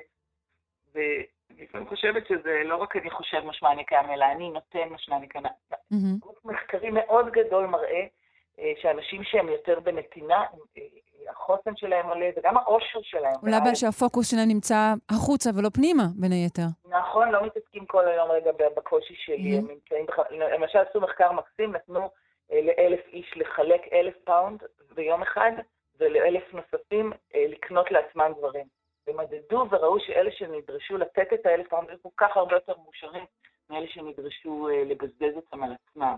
זאת אומרת, היכולת הזו היא מאוד משמעותית uh, uh, uh, בשביל להגדיל את הבריאות המנטלית, את החוסן, והנתינה יכולה להיות לא רק בכסף, בתשומת לב, בהקשבה, mm-hmm. במילה טובה, בהתנדבות, יש כל כך הרבה uh, דרכים לנתינה. אוקיי. Okay. עוד דבר שמאוד מעלה את הבריאות המנטלית, זה, זה כאילו דבר וקצת היפוכו, אבל זה גם, גם במחקרים של ניק מרקס, שהוא חוקר מאוד ידוע של התחומים של, של well-being, של חוסן, של עושר, זה התנועה הפיזית. אה, אוקיי, מיכל, אני רואה שזמננו קצר, ועוד לא דיברנו על היחס למתמודדי נפש בישראל, שזה אולי אחד הנושאים המרכזיים לחודש כזה, אבל אולי נחזור לנושא החשוב הזה. דוקטור מיכל חמו לוטם, אני מודה לך מאוד, פינת החדשנות ברפואה שלנו, מנכ"לית אושיה וראש מסלול עתיד הרפואה והבריאות באקדמיה לעתיד של אושיה. אז אה, תודה רבה.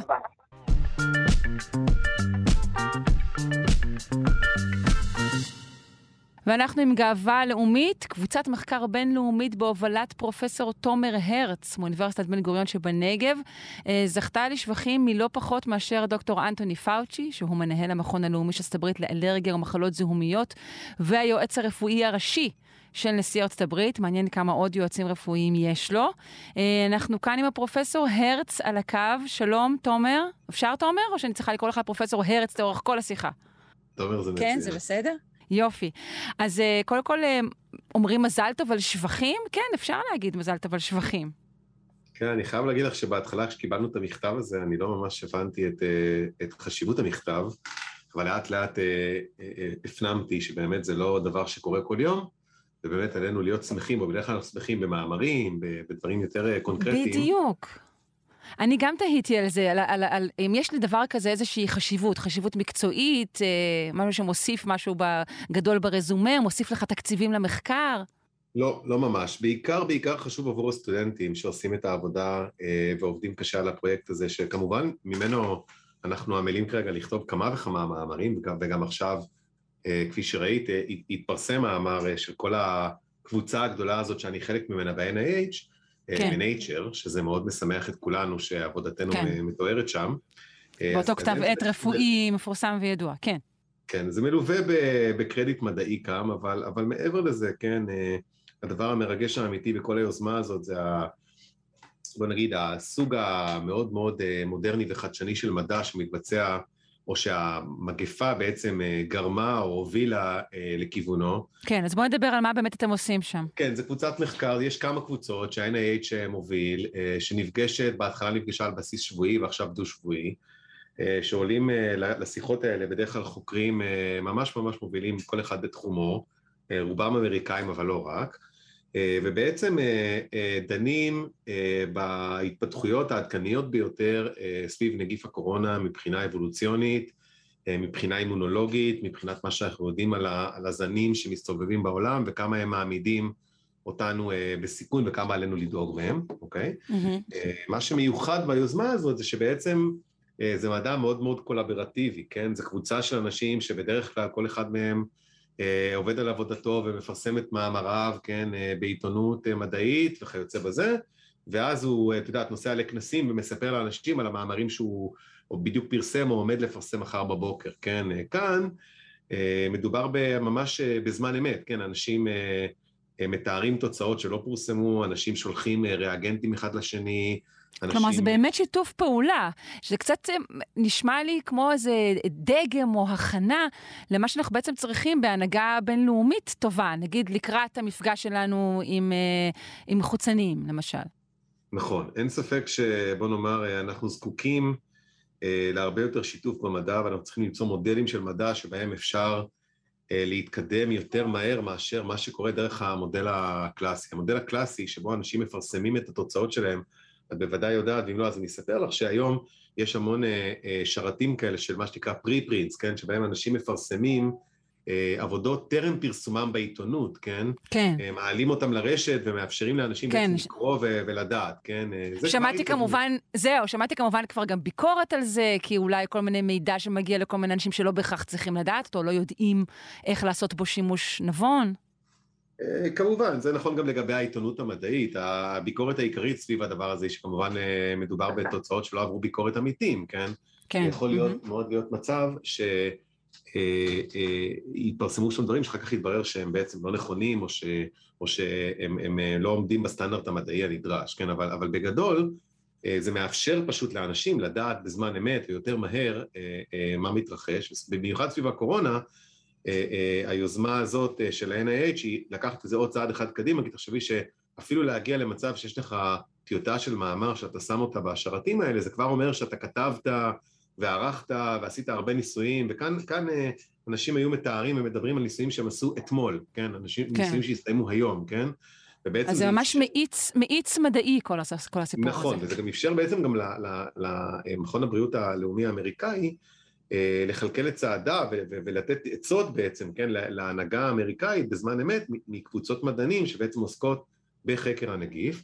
ו- ובנוסף, עוד דבר שהם עשו שהיה מאוד מעניין זה שהם גם ריכזו מאמצים אה, אה, להכין ריאגנטים, אה, נגיפים, אה, אה, חלבונים, כל מיני דברים שנזקקים למחקר אה, או לעבודה רטובה, כן?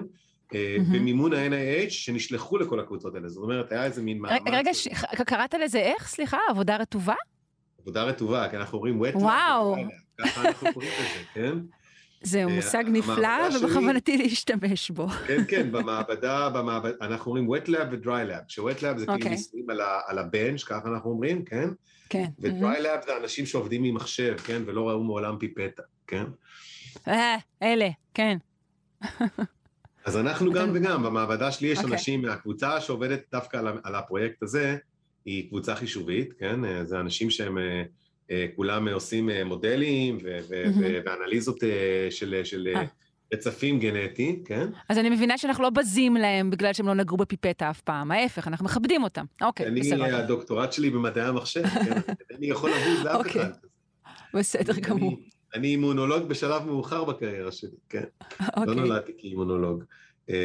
אז, אז, אז בעצם אנחנו היינו, אנחנו שותפים, כן, בקבוצה שעושה באמת אנליזות של הרצפים הגנטיים של הנגיף, כשהקבוצה הזאת בעצם מדרגת באופן חודשי את הווריאנטים שנמצאים כרגע בעולם ונותנת להם סדרי עדיפות מבחינת רמת הדאגה שלנו מהם, כן? עד כמה אנחנו mm. בעצם concerned, כך אומרים באנגלית, כן, כן variants of concern, כן, עד כמה אנחנו כאילו מודאגים או צריכים mm-hmm. לעקוב בעניין אחרי איזה, איזה וריאנטים, כן. את יודעת, יש המון מצ... המון מצעד הדאגה של הווריאנט. בדיוק, ויש, את יודעת, ממש דירוגים, יש כזה קובץ, אני יכול אפילו להראות, זה מאוד יפה, שהוא כזה בשארד ספרדשיט כזה, שכל החוקרים, אה, יש להם את העמודה שלהם שהם מדרגים, ואז יש לנו שיחה כזו שכל אחד מציג את הדירוג שלו ודנים, וכל אחד מסביר למה הוא דירג ככה או אחרת, ובסוף מדרגים קונצנזוס, כן? בסוף יש, בסופו של דבר יש רשימה אחת סופית, שהיא מוצגת לאנשים שעושים את הניסויים הרטובים, כמו שאנחנו אז רגע, תן, תן לנו כמה פרמטרים, נגיד לדוגמה, למה מישהו אחד יכול להגיד זה יותר מדאיג, ומישהו אחר אומר לא,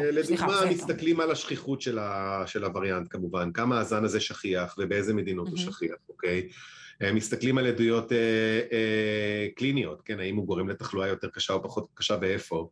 אנחנו, הזווית שלנו מסתכלת על כל מה שקשור לתגובה של אה, מערכת החיסון, כן, נוגדנים ותאי T, אנחנו מסתכלים ושואלים אה, עד כמה המוטציות שיש לזן הזה יכולות אה, לחמוק מתגובת מערכת החיסון. את יודעת בוודאי שנגיפים, כן. אה, חלק מהיתרון היחסי שלהם אחד על השני זה שהם יודעים אה, להשתנות גנטית, אה, וחלק מהשינויים הגנטיים לפעמים מובילים לזה שהם מצליחים לחמוק ממערכת החיסון, כן, מערכת החיסון לא מזהה אותם יותר. אה, אומיקרון זו דוגמה מעולה לזן כזה שבאמת יש לו המון המון מוטציות, והוא חמק כן. בצורה מאוד יעילה מהרבה מאוד נוגדנים ותאי T ש, שיודעים לזהות את, באנשים מחוסנים וגם באנשים שנדבקו בעבר. ועכשיו, את יודעת, בחזית, בחזית כרגע יש זנים חדשים שהם עוד לא כל כך נמצאים בישראל לשמחתנו. זהו, בדיוק על זה רציתי לשאול אותך. כי שוחחנו בשבוע שעבר פה על שני הזנים החדשים, על ה-BA4 ו-BA5, והבנו שיש הבדלים, בעצם הם מגיעים מדרום אפריקה, ושוחחנו טיפה על ההבדלים בדרום אפריקה לבין ישראל לצורך העניין, ורציתי לשאול אותך כמה אה, השולחן העגול הזה שאתם חברים בו, המחקר הגדול הזה, עד כמה הוא בעצם מוכוון לאוכלוסייה מערבית. אמריקאית או ישראלית? הוא, אה, הוא, הוא מוכוון לאוכלוסייה, בוא נאמר, העניין המרכזי שלהם הוא כמובן אוכלוסיית אה, אמריקה בתור אה, גוף אמריקאי, אבל אני חושב שבאופן עקרוני יש הבנה עמוקה של אנשים שמתעסקים בתחום שלנו, שבעצם זו בעיה גלובלית, כן? ומה שנמצא עכשיו בדרום אפריקה, עוד רגע יהיה, את יודעת, בניו יורק, ואת יודעת, לא רק זה, אלא שאפילו בניו יורק יש כרגע זן שהוא לא BA4 ו-BA5, mm. שנקרא BA 2.1.12, אני חושב, אם אני זוכר נכון, כן? פחות קליט. שהוא זן אה, שיש לו את אותן תכונות של BA4 ו-B5, במובן הזה שהוא מצליח להדביק מחדש אפילו אנשים שנדבקו באומיקרון והחלימו, אוקיי? אז מה הופך אותו לשונה בעצם? למה הוא זכה אה, לשם יש לו מוטציות אחרות, הוא, הוא פשוט אה, גנטית, שונה מהזנים ההם, הוא לא, הוא לא בא מדרום אפריקה, הוא בא מ... הוא נוצר איפשהו בארצות הברית, אנחנו לא בדיוק יודעים איפה, כן? אוקיי. מאוד קשה לדעת. גם כשאומרים דרום אפריקה, את יודעת, זה לא ברור שזה באמת בדרום אפריקה, שם כרגע יש התפשטות מהירה של הזן הזה, וזה מטריד במובן ש... אה, זאת אוכלוסייה שעברה התפשטות מאוד מאוד אה, אה, חדה של גל האומיקרון, כן, הייתה שם הדבקה ממש, לא יודע מה, יותר ממחצית האוכלוסייה כנראה נדבקה באומיקרון בדרום אפריקה, לפי הערכות, כן. ועכשיו יש להם גל חדש, מה שמראה או מדגים מבחינה, את יודעת, אפידמיולוגית, שאנשים שנדבקו באומיקרון יכולים כנראה להידבק שוב בזנים החדשים האלה, כן. כן. עכשיו, הדבר הזה נכון גם עבורנו, כן, ההבדל... אבל בינתיים, בינתיים זה לא נראה שזה מדאיג כל כך, או לפחות לא את השלטונות. בינתיים זה לא מדאיג, תראה, אנחנו נמצאים בשנתיים ופלוס, כן, לתוך המגפה, אנחנו, קשה להדאיג אותנו, נכון? אנחנו כבר במקום שבו אנחנו בעיקר רוצים אה, לחשוב שהקורונה נגמרה, ו- וככה אנחנו גם אה, משתדלים להתנהל. אנחנו גם די מחושלים נפשית, זה נכון, מה שרמזת. נכון, וגם אנחנו אדישים, כן, ברמה מסוימת, אבל את יודעת, הנגיף יש לו לייף סייקל משלו, והוא לא כל כך... אה, אין, אין לו תכונות אנוש, כן? הוא לא אדיש וגם לא ממש אכפת לו, כן? הוא, הוא ממשיך אה, לדאוג לשרידות שלו, כן, ולפרופגציה שלו, כן, ו, mm-hmm. ואנחנו לא יודעים, וזאת האמת, כן, אם, אם להיות כנים, אה, האם יש לנו סיבה לדאוג או לא, בעיקר משום שהזמן, את יודעת, עד שיגיע מצב שיהיה עומס על מערכת בריאות, נגיד בדרום אפריקה, זה ייקח לפחות עוד כמה שבועות, אולי חודש או חודש וחצי, עד שנדע באמת. ואז נוכל להתחיל לדאוג, יש, כאילו יש עוד זמן לדאגה. בדיוק, אפשר בינתיים להמשיך לחגוג, ללכת אה, לחגוג את, אה, את יודעת, את, ה, את החגים שלנו ואת, ה, ואת המשפחות כן. שלנו ואת, ה, ואת ה, כאילו, השמחות שלנו, אה, אבל, אבל צריך פ, לדעת... פקנקו ככל יכולתכם, כן. כן, בוא נאמר, אנשים ש, שמתעסקים בתחום שלי יודעים, כן, אנחנו, אנחנו, זה, זה לא לגמרי ברור שבאמת עברנו לשלב האנדמי של המגפה, ורק הזמן יגיד אם באמת זה המצב או לא. אנחנו מאוד מקווים שעברנו לשלב הזה, כן? אה, אבל אנחנו לא באמת יודעים להגיד כרגע. נכון. זה יפה, אני, אני חושבת שדווקא בדיוק מה שתיארת, עד כמה המדע היום, באמת המידע נחלק מהר יותר, זה הביא לי יותר תשובות מהסוג שלך, של אנחנו לא יודעים והזמן יגיד, ולאנשים נכון, קשה קצת לקבל את זה. נכון, אבל את יודעת, הבעיה, הבעיה המרכזית היא שיש פה אוכלוסייה בישראל וגם בעולם היום, אה, קבוצה לא קטנה של אנשים שיש להם ודאות גדולה אה, בצורה מאוד לא מדעית, כן? שכל mm-hmm. התוצאות והתגובות והפרשנות וה, וה, וה, או התובנות המדעיות שאנחנו רכשנו מה, מהמגפה, הם בעצם כולן אה, סוג אחד של פייק אחד גדול, כן? כן. ו- ו- ולזה יכולים להיות נזקים מאוד ארוכי טווח אה, בבריאות הציבור שלנו, כן? כי, כי עכשיו יש סיכוי, אה, ואנחנו רואים את זה כרגע, נגיד בהתפשטות של פוליו, כן? שיש לא מעט אנשים שפשוט לא מחסנים את ילדיהם, לא רק כנגד קורונה, כן? הם לא מחסנים את ילדיהם באופן כללי, כן? תופעה שכבר הייתה ידועה לפני המגפה, אני חושב שהיא התעצמה, כן, בעקבות המגפה. בהחלט התעצמה, אה, כן. והדבר הזה אה, מסכן את כולנו, זאת אומרת, אה, את יודעת, קורונה זה רק נגיף אחד, יש הרבה מאוד נגיפים שמדביקים אותנו כל שנה, וחלק מהם מדביקים אותנו כבר, לא יודע מה, מאות אלפי שנים כנראה, כן, או לפחות עשרות אלפי שנים. ואנחנו, את יודעת, הם, הם ללא ספק מעצבים את ה... אה, כן, את האוכלוסייה, והעובדה שאנחנו נמצאים במאה ה-21 עם מדע כל כך מתקדם, ושיתוף, וכל הדברים היפים שתיארנו עכשיו, ועדיין יש אנשים שלא מאמינים, כן, שלא מזריקים להם, אה, לא יודע מה, צ'יפ מעקב, כשנותנים להם חיסון קורונה, אה, זה דורש מחשבה, נכון? יש הרבה על כן. מה לחשוב, גם לנו בתור מדעים. גם... וגם לחברה. מודיעים על, זה, מודיעים על זה בטלפון שלהם, באותו מכשיר אה, איתור משוכלל. בוודאי. אה, שזה, כן. אם כבר הזכרת ספקולציות, נקרא לזה בנימוס, האם כל השיח שהיה כל החודשים האחרונים על פאוצ'י הוא, הוא, הוא נוגע, הוא מגיע, הרי היו כל מיני האשמות שנוגעות אליו. תראי, כאילו, מדובר במדען באמת באמת יוצא דופן.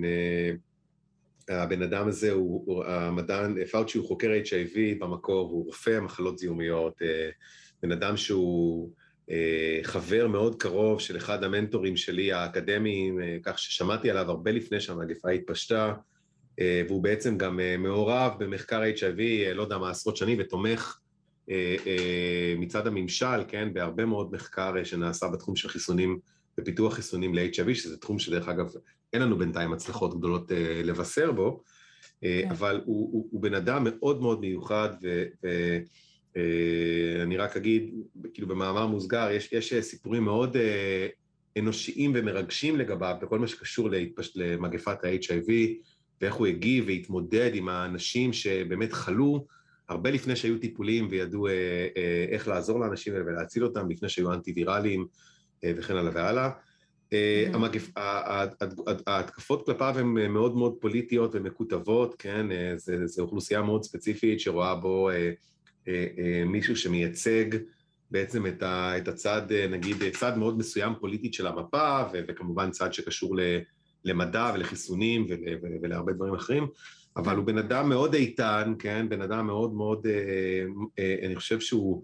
אמ, כבר בגיל, כן, שהוא לא, לא כל כך חשוב לו מה אנשים חושבים עליו, אני חושב, כן? אה, הוא כבר מזמן היה יכול לצאת לפנסיה, והסיבה שהוא לא יוצא לפנסיה זה בגלל שהוא מרגיש שיש לו תפקיד חשוב אה, בעיצוב מדיניות בריאות הציבור בארה"ב, שזה כמובן דבר מאוד משמעותי. כן. טוב, אה, אז נמשיך לאחל לכם בהצלחה במחקר. זה היה מרתק, ואני מודה לך על השיחה הזאת. פרופסור תומר הרץ מאוניברסיטת בן גוריון, שזכה לאחרונה לשבחים מדוקטור אנטוני פאוצ'י. תודה רבה. תודה רבה להתראות.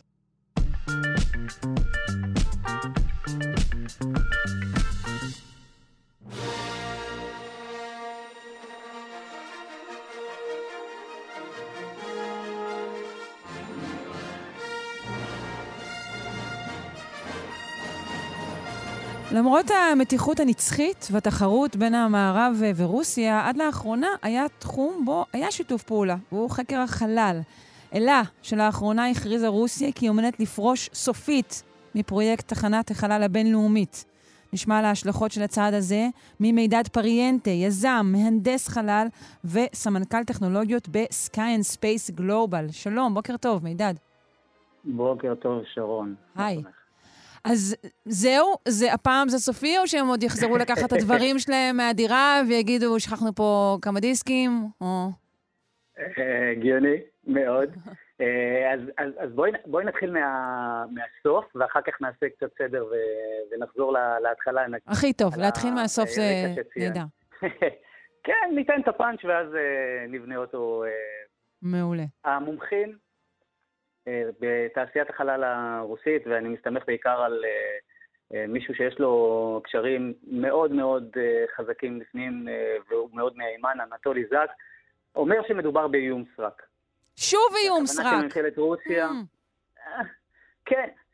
הכוונה של ממשלת רוסיה לבנות תחנת חלל רוסית עצמאית, תהליך שהסתיים לא לפני 2030, ושבמשך התקופה הזאת רוסיה פשוט לא יכולה להרשות לעצמה להפסיק את שיתוף הפעולה והתמיכה בתחנת החלל הבינלאומית, דבר שעלול להביא להפסקה מוחלטת של מעט הפרויקטים המסחריים שעדיין נותרו על הפרק, וננסה אה, ברשותך קצת אה, חזרה לאחור. עד 2011 תעשיית החלל הרוסית הייתה תלויה בעיקר במס... אבל היא... רגע, לא שמענו תלויה במה? היה לנו פה איזה נתק. הרוסים אולי חתכו אה, שנייה אחת מהשיחה? אני בטוח שמאזינים, ויהיה להם גם מעניין. עד 2011, תעשיית החלל הרוסית הייתה תלויה בעיקר במשימות חלל ממשלתיות וצבאיות. אוקיי. Okay. ב-2011, תעשיית החלל הרוסית נפתחה למערב, למשימות מסחריות, למשימות uh, שהרבה מאוד מדינות שמשיקולים פוליטיים uh, לא יכלו לעבוד עם חברות אמריקאיות, והמציא מרשים של חמישה משגרים שונים, הייתה עיקר השיגורים אה, לחלל, כולל אה, לוויינים ישראליים ששוגרו על אה, משגרים אה, רוסיים. ככה. שלא, אה, כן, אה, יותר מחמישה לוויינים ישראליים שוגרו במהלך השנים על משגרים אה, רוסיים, שלא לדבר על העובדה שמאז ביטול תוכנית המעבורות האמריקאית, למעשה אה, רק לרוסים הייתה יכולת לשגר אסטרונאוטים לתחנת החלל הבינלאומית. ולכן הם מאוד נפתחו למערב ונהיו תלויים בכלכלת המערב. וזה אומר שלעשות צעד כזה בלתי הפיך, כמו שראש סוכנות החלל הרוסית רוגוזין אמר, אה, אנחנו הולכים להפסיק את אה, התמרונים ומצידנו שתחנת החלל תיפול לכם על הראש, זה לא באמת. כן, ואנחנו גם לא חייבים לכם הסברים בכלל, וביי, יש כזה, נכון, יש איזה טון כזה. אה, כן, ואל תשכחו להאכיל את החתול, אנחנו הולכים. משהו כזה פחות או יותר. אז בואו נזכיר רגע את ה, את ה, איך נולדה תחנת החלל הבינלאומית, שזה בעצם המעבדה המעופפת הגדולה ביותר שאי פעם נבנתה על ידי האנושות, אה, לשהייה ארוכה. תחנת החלל הבינלאומית התחילה למעשה משיקולי תקציב. מי שצריך להגיד לו תודה על זה, זה הנשיא קלינטון. היו כבר תחנות אה, חלל, אבל הן היו זמניות. לרוסים אה, היה, אה, היו שלוש תחנות חלל שונות, לאמריקאים היה את Skylab, וב-1984 האמריקאים באו עם יוזמה של לעשות תחנת חלל קבועה, שבה אנשים יהיו באופן קבוע, אה, וההבדל הגדול הוא שבתחנת חלל כזאת אפשר לעגון, אפשר להביא אספקה, אפשר להביא אנשים, אפשר להחליף, והם עבדו על זה הרבה מאוד שנים. וב-1993 הם באו לנשיא קלינטון לאשר את התקציב, והוא אמר להם, אין בעיה, בתנאי שזה לא יעלה יותר משני מיליארד. ולא משנה איך בנאס"א כופפו את, התוכ... את התוכניות שלהם, הם לא הצליחו כן. לעמוד במגבלת התקציב, ולכן לא הייתה להם ברירה, והם פנו גם לסוכנות החלל הרוסית, גם לסוכנות החלל הקנדית, לסוכנות החלל היפנית ולסוכנות החלל האירופאית, ואמרו, בואו נעשה משהו ביחד. זה לקח לא מעט אה, זמן. ואיך הרוסים אמרו, ו- יודעים מה, כן, יאללה, בואו נעשה משהו ביחד. איך דבר כזה בעצם קרה? זה, זה היה אה, תהליך אה, טבעי, אה, חלק מהפרספוריקה והפתיחות למערב. גם הרוסים שעבדו על תחנת החלל מיר 2, שהיא הייתה המשך של מיר, הבינו שלבד הם לא יכולים לעשות את זה. והגיעו להחלטה שיבנו תחנה שמורכבת משני חלקים. החלק הרוסי, שיש בו שישה מודולים, שבעיקר אחראי על אה, ניווט, תמרון וניהול התחנה. והחלק האמריקאי שאחראי על uh, המעבדות ועל סביבה תומכת חיים לאסטרונאוטים. התחנה נבנתה בשלבים שממש רק לאחרונה הרוסים העלו עוד מודול שנקרא נאוקה, שזה מעבדה מאוד מאוד משוכללת, שממש לפני שבוע עשו התקנה של הזרוע הרובוטית שקשורה אליה, ועל פניו, בכל ש... ככל שהתקדם הזמן והתחנה כבר נהייתה, לא נעים להגיד, אבל אזרח ותיק, אז דובר על עד מתי יחזיקו אותה ומתי יתחילו להחליף אותה, ופה גם נכנס העניין של ה-new space והכסף הגדול ויוזמות פרטיות. פרטיות, כן. חברת אקסיום, שאיתן סטיבה היה אחד האסטרונאוטים הראשונים שלה, היא חברה פרטית שמתכננת לעשות תחנת חלל פרטית בחלל, גם לצורכי מחקר, אבל גם לצורכי recreation, מלון בחלל. והתוכנית הייתה בעיקרון עד בסביבות משהו כמו 2024, להחזיק את תחנה, תחנת החלל הבינלאומית בחיים, שהמודול הרוסי הזקן ביותר, האסבסטה, אמור בשלב הזה להפסיק את פעילותו, וחלק אחר, אמריקאי, אמור להחליף אותו. כך שבפועל לא באמת קרה שום דבר חוץ מאיומים ודיבורים. כלומר, זה לא יהיה יותר קשה עכשיו לנאסא ולשאר הסוכניות לתחזק את העסק בלי הרוסים? נהפוך הוא. מה שקרה זה שמאז יצא מתוק כתוצאה מההכרזות הלא אחראיות של ראש סוכנות החלל הרוסית, וחשוב מאוד להבדיל, הרבה מאוד מדענים וקוסמונאוטים רוסים נגד ההתבטאויות האלה, ונראה שראש סוכנות החלל הרוסית פשוט יורה מהמותן. מה שקרה זה שהקונגרס האמריקאי, שהתלבט רבות האם כדאי להמשיך להשקיע כסף ואולי כדאי להסב את הכסף הזה למאדים ולירח, קיבל החלטה בעקבות ההודעות הרוסיות, שבאופן גורף וחד משמעי ארצות הברית תמשיך ותתמוך בתחזוק תחנת החלל הבינלאומית לפחות עד 2030, mm-hmm. לפחות עד 2030, ויכול להיות שאפילו אה, מעבר לזה. אז מהבחינה הזאת, אה, אם אה, האמריקאים היו על הגדר, ונאס"א התקשתה מאוד אה, לשכנע את הקונגרס לאשר תקציב להמשך תחזוק תחנת החלל הבינלאומית, המהלכים הרוסיים האחרונים הכריעו את הכף בצורה מאוד ברורה, ונאס"א כבר קיבלה את האישור, ואנחנו לא נראה את תחנת החלל הבינלאומית אה, נופלת ב, ב, בזמן הקרוב. סוגר את הדלת, כן. עשור הנוכחי. אה, רק בקצרה לסיום, מה תהיה ההשפעה של, אה, של, שוב, של כניסה של יותר גורמים פרטיים, כמו SpaceX, לכל נושא חקר החלל? אז אני חושב שיש פה שני אלמנטים. דבר ראשון, ה-New Space באמת שינה את הכל. אנחנו צריכים לזכור ש...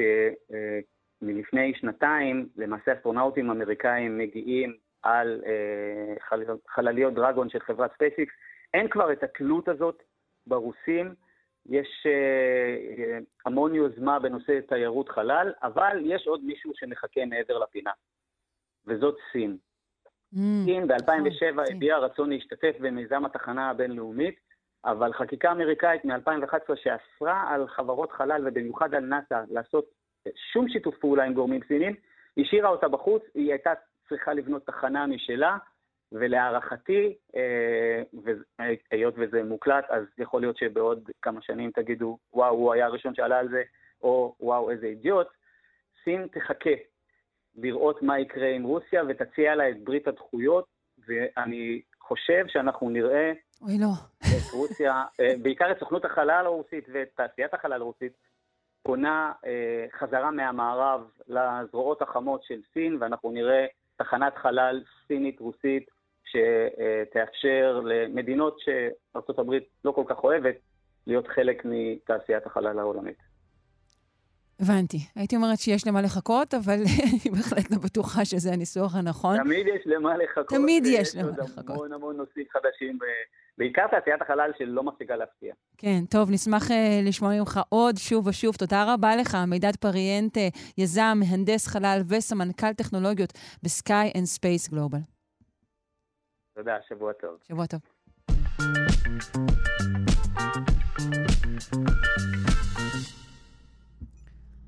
הספרייה הלאומית מחפשת את ה-Waze של התרבות. תחרות בינלאומית של הספרייה הלאומית יוצאת לדרך. משתתפי התחרות יידרשו להציע רעיונות שינגישו את מיליוני פיסות המורשת והתרבות שנאספו במשך עשרות שנים בספרייה הלאומית ובמרכזי המורשת השונים, ויהפכו אותם שימושיים ומעשיים בעולם הטכנולוגי של ימינו. Hmm, במילה אחת, מה? בשלוש מילים? וואלה, לא הבנתי. ומי שיעזור לי להבין הוא ירון דויטשר, ראש אגף הנגשה בספרייה הלאומית. בוקר טוב, ירון. בוקר טוב, שרון. אז תשמע, פשוט לא הבנתי, חוץ משילוב של אה, כל מיני מושגים כמו Waze, לתוך דברים שקשורים לספרייה, אני לא מבינה מה רוצים. הסבר לי. אז בואי נתחיל מההתחלה. ספרייה הלאומית של ישראל היא המקום שאחראי על איסוף ושימור כל המורשת והתרבות וההיסטוריה של מדינת ישראל ועם ישראל. יישר כוח. אתה יודע, זה אומר קודם כל ספרים, כמובן, כי אנחנו ספרייה, אבל זה רק מתחיל בספרים, וזה ממשיך באוספים מדהימים של ארכיונים ושל כתבי יד ושל מוזיקה ושל תצלומים ושל מפות ושל פוסטרים ועוד המון המון אוספים ודברים שכולם עברו סריקה והנגשה בשנים האחרונות. כלומר, זה דברים שקיימים גם כ- כארטיפקטים פיזיים וגם אה, כנכס דיגיטלי. נכון, הם קיימים גם כעותק פיזי וגם כנכס דיגיטלי, וכולם נגישים דרך אתר הספרייה הלאומי, ומי שרוצה כמובן מוזמן לבוא, לעיין, להשתמש, כל החומרים חופשיים לשימוש. וואלה. נכון. יפה. אבל, וזה אבל גדול, אנחנו רוצים שהחומרים האלה יגיעו לתפוצה רחבה ככל האפשר, לא רק למי שמגיע לאתר הספרייה, אלא גם לאנשים שמשתמשים באפליקציות חיצוניות ובאתרים אחרים, מוויקיפדיה ועד ווייז. וכיום זה, זה לא כך? אנשים צריכים להיכנס במיוחד אה, לספרייה הלאומית? אז זה קורה חלקית. בוויקיפדיה כמובן אנחנו מאוד uh, מחוברים ומקושרים ויש המון חומרים שעלו לשם ויש אתרים אחרים שמשתמשים וכמובן, שוב, הכל חופשי, עכשיו זה קורה כל הזמן בצורה שוטפת. אבל אנחנו מאוד רוצים לעודד בעיקר יזמים, אנשי טכנולוגיה, אנשים שמתעסקים בפיתוח, באפיון, בעיצוב של כלים חדשים ובעצם להשתמש בטכנולוגיות שקיימות היום בעולם ולקחת את החומרים האלה וביחד עם הכוח המשותף הזה של הטכנולוגיה והתרבות, להביא באמת לתפוצה חדשה ולשימושים חדשים של החומרים האלה. כמו מה? תן לי דוגמה לשימושים חדשים. אז אני אתן את הדוגמה ההיפותטית ש, ש, שאני אוהב לתת, אבל הרעיון של התחרות הוא להביא רעיונות. להביא אנשים יצירתיים. אה, אז אתה לא רוצה לרמוז כאילו? לא, אני יכול לתת אחד, רק כדי לתת, סליחה, אוקיי. לסבר את האוזן. בואי ניתן, אה, אה, ניתן נקודת הנחה שבגוגל מפות, בגוגל מפס, מחליטים להשתמש בחומרים באוסף התצלומים שלנו. יש לנו אוסף של שלושה מיליון תצלומים, זה האוסף הגדול ביותר בעולם של תמונות סטילס שמתעד את ארץ ישראל ומדינת ישראל במאה החמישים שנה האחרונות. ואז נאמר שמשפחה שמטיילת במצדה, או בכנרת, או באילת, או בכל אחר, מקום אחר בארץ, מתוך גוגל מפס מופיע לה כפתור והיא לוחצת על הכפתור בתוך הטלפון ומופיע לה תמונה של בדיוק איך נראה המקום הזה לפני 50 או 100 או 120 שנה. Mm. זה נשמע לי, נשמע לי נפיץ מכל כיוון מה שאתה אומר. זה נשמע לי נפיץ פוליטית, זה נשמע לי שאני אגיד, אוי אוי, למה הרסו פה ובנו פה את המגדל הגדול הזה? אז יגיד, כל אחד ייקח את זה לכיוון שלו, אנחנו לא רוצים אה, להיות השופט, אנחנו רוצים להראות ו- ולשתף את האנשים ולהגיד להם, הנה, תראו, יש פה היסטוריה למקום הזה, ויש פה רקע למקום הזה. והנה, לא רק איך הוא נראה, הנה הסיפור שלו, ומה מעניין בו, ולמה הוא חשוב לה, לה, להיסטוריה שלנו כעם, כמדינה, mm-hmm. כאנשים. Mm-hmm. אז, ש- אז שבעצם זה, זה האינטרס בעצם מאחורי התחרות הזו? האינטרס הוא התפקיד של הספרייה הלאומית, והוא להנגיש את החומרים, או במילים יותר פשוטות, לחבר בין תרבות, היסטוריה, מורשת, לבין אנשים. אנשים באשר הם אנשים, ולגרום להם לצרוך תרבות, לא רק תרבות בת ימינו, mm-hmm. אלא את כל התרבות ההיסטורית ששמורה אצלנו, שזה באמת מאות שנים, מאות רבות של שנים של יצירה תרבותית. עד כמה החומרים האלו נגישים גם לאנשים שאינם דוברי עברית, למשל? אז קודם כל, החומרים הם לא רק בעברית. Mm-hmm. הספרייה הלאומית אה, אוספת כל דבר שמודפס או יוצא לאור בישראל, אבל גם כל דבר שנכתב על ישראל או על העם היהודי בחו"ל בשפות אחרות.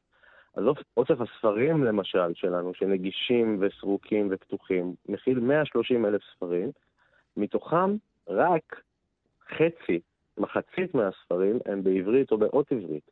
כל היתר הם בשפות אחרות. באנגלית, בצרפתית, בערבית, ברוסית, בלטינית ועוד ועוד ועוד. אה, יש הרבה חומרים שהם לא חומרים טקסטואליים, זאת אומרת, אוסף התצלומים שהזכרתי, אפשר לדבר על אוסף המוזיקה, יש לנו, אה, אנחנו שומרים לא רק ספרים שיוצאים לאור, אלא בעצם כל יצירה מוזיקלית שיוצאת לאור. אז היום זה אלבומים אה, שמוקלטים בדיגיטל, אבל בעבר זה היה דיסקים וקלטות ותקליטים, ולפני כן תקליטי שעווה. והחלק הגדול של האוסף, למשל, אם כבר אנחנו אה, אה, מדברים הבוקר בכאן, הוא ארכיון כל ישראל, ארכיון המוזיקה של כל ישראל. כן, שזה חתיכת ש... דבר.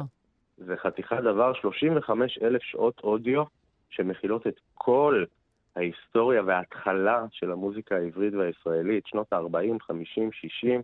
ככה היו אה, מקליטים פעם. שושנה דמארי כן. הייתה באה לאולפן כל ישראל, תזמורת כל ישראל מנגנת בלייב, ו...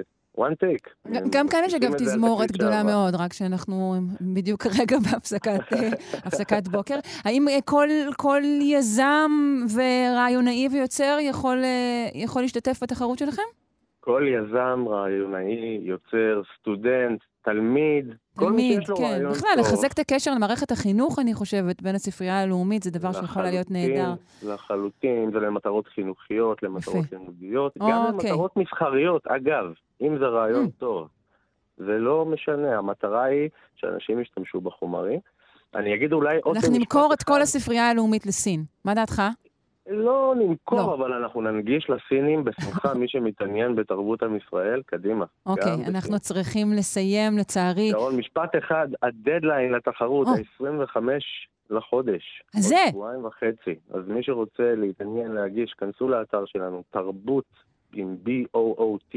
כן, תרבות. מאוד תרבותי זה נשמע, אוקיי. נכון מאוד. בסדר גמור. ירון דויטשר, ראש אגף הנגשה בספרייה הלאומית. תודה רבה ובהצלחה. תודה רבה, שרון.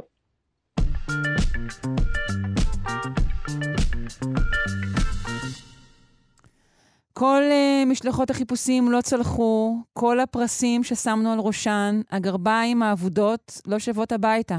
מחר יצוין בעולם יום הזיכרון לגרביים אבודות. ילדים בגנים יעשו בובות גרב מיותרות, גברים uh, יחבצו גבינה בגרב.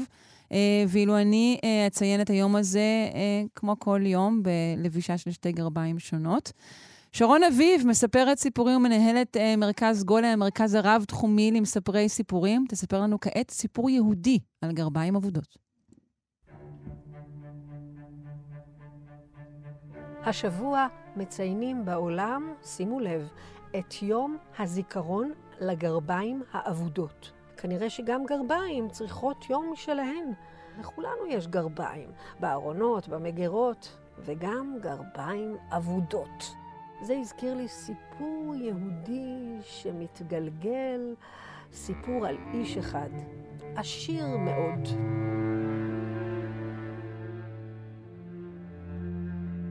היו היה יהודי עשיר, מה זה עשיר? עשיר כקורח.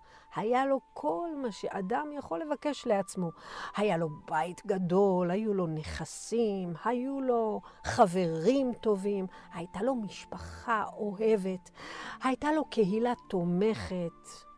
בקיצור, הוא חי לו חיים טובים ושלמים, היה נדיב ואוהב אדם, והנה לכל דבר יש סוף, וגם חייו הגיעו לסופם.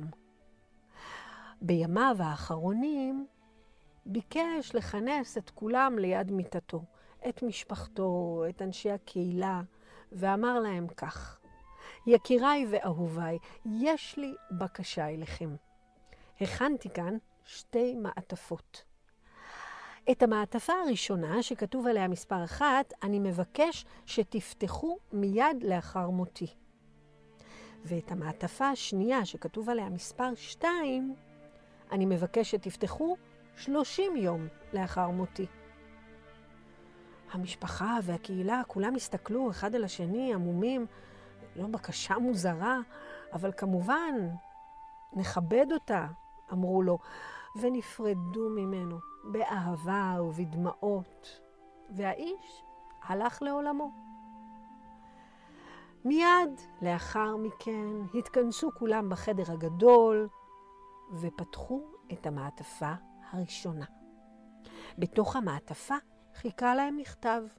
היה כתוב בו כך: יקיריי ואהוביי, אני מצטער להיפרד מכם, אני אוהב אתכם מאוד. אבל לכל דבר יש סוף, והנה הגיע יומי. יש לי בקשה אחרונה אליכם. אני מבקש להיקבר בגרבי השבת הלבנות שלי. זהו, זה מה שהיה כתוב. כמה מוזר, כמה משונה להיקבר בגרביים. איזה בקשה. הם דיברו והתייעצו וחשבו איך אה, למלא את הבקשה. הם קראו לרבנים וסיפרו להם, והרבנים אמרו שזה ממש לא אפשרי. על פי ההלכה היהודית, אדם יוצא מן העולם בדיוק כפי שנכנס אליו, כאשר על גופו אין דבר. הם קראו לקברנים וביקשו מהם אולי לנסות למצוא איזו פרצה, אבל לא, גם הם לא הסכימו, אין דבר כזה, זה לא לפי ההלכה. הם ניסו משא ומתן, אמרו שיתרמו כסף, שאפילו יקימו בית לוויות חדש, אבל דבר לא עזר. את הבקשה אי אפשר היה למלא. והאיש העשיר נקבר ככל אדם. חלפו שלושים ימים, והנה הגיע הזמן להתכנס שוב ולפתוח את המעטפה השנייה. כולם התכנסו בחדר הגדול, הייתה תכונה, שיחות, התרגשות, והנה הוציאו את המעטפה השנייה, פתחו אותה, ובתוכה חיכה להם עוד מכתב. והיה כתוב בו כך: יקיריי ואהוביי, אני יודע שלא הצלחתם לקיים את בקשתי. אני לא כועס עליכם, וגם אתם, אל תרגישו אשמים. ביקשתי את הבקשה המשונה הזו כדי להראות לכם שאדם, לא משנה כמה נכסים וכמה הון צבר בחייו, כאשר הוא עוזב את העולם, אפילו את הגרביים שלו הוא לא יכול לקחת איתו.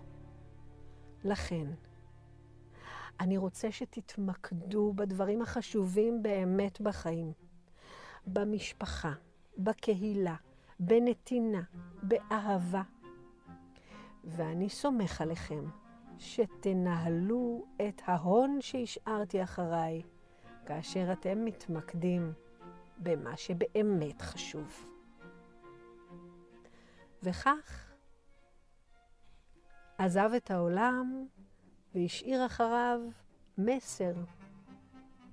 והכל בזכות הגרביים. אז מה עם הגרביים שלכם? האם גם לכם יש גרביים אבודות? ספרו סיפור טוב השבוע. אתם יודעים, סיפורים טובים נשארים לתמיד.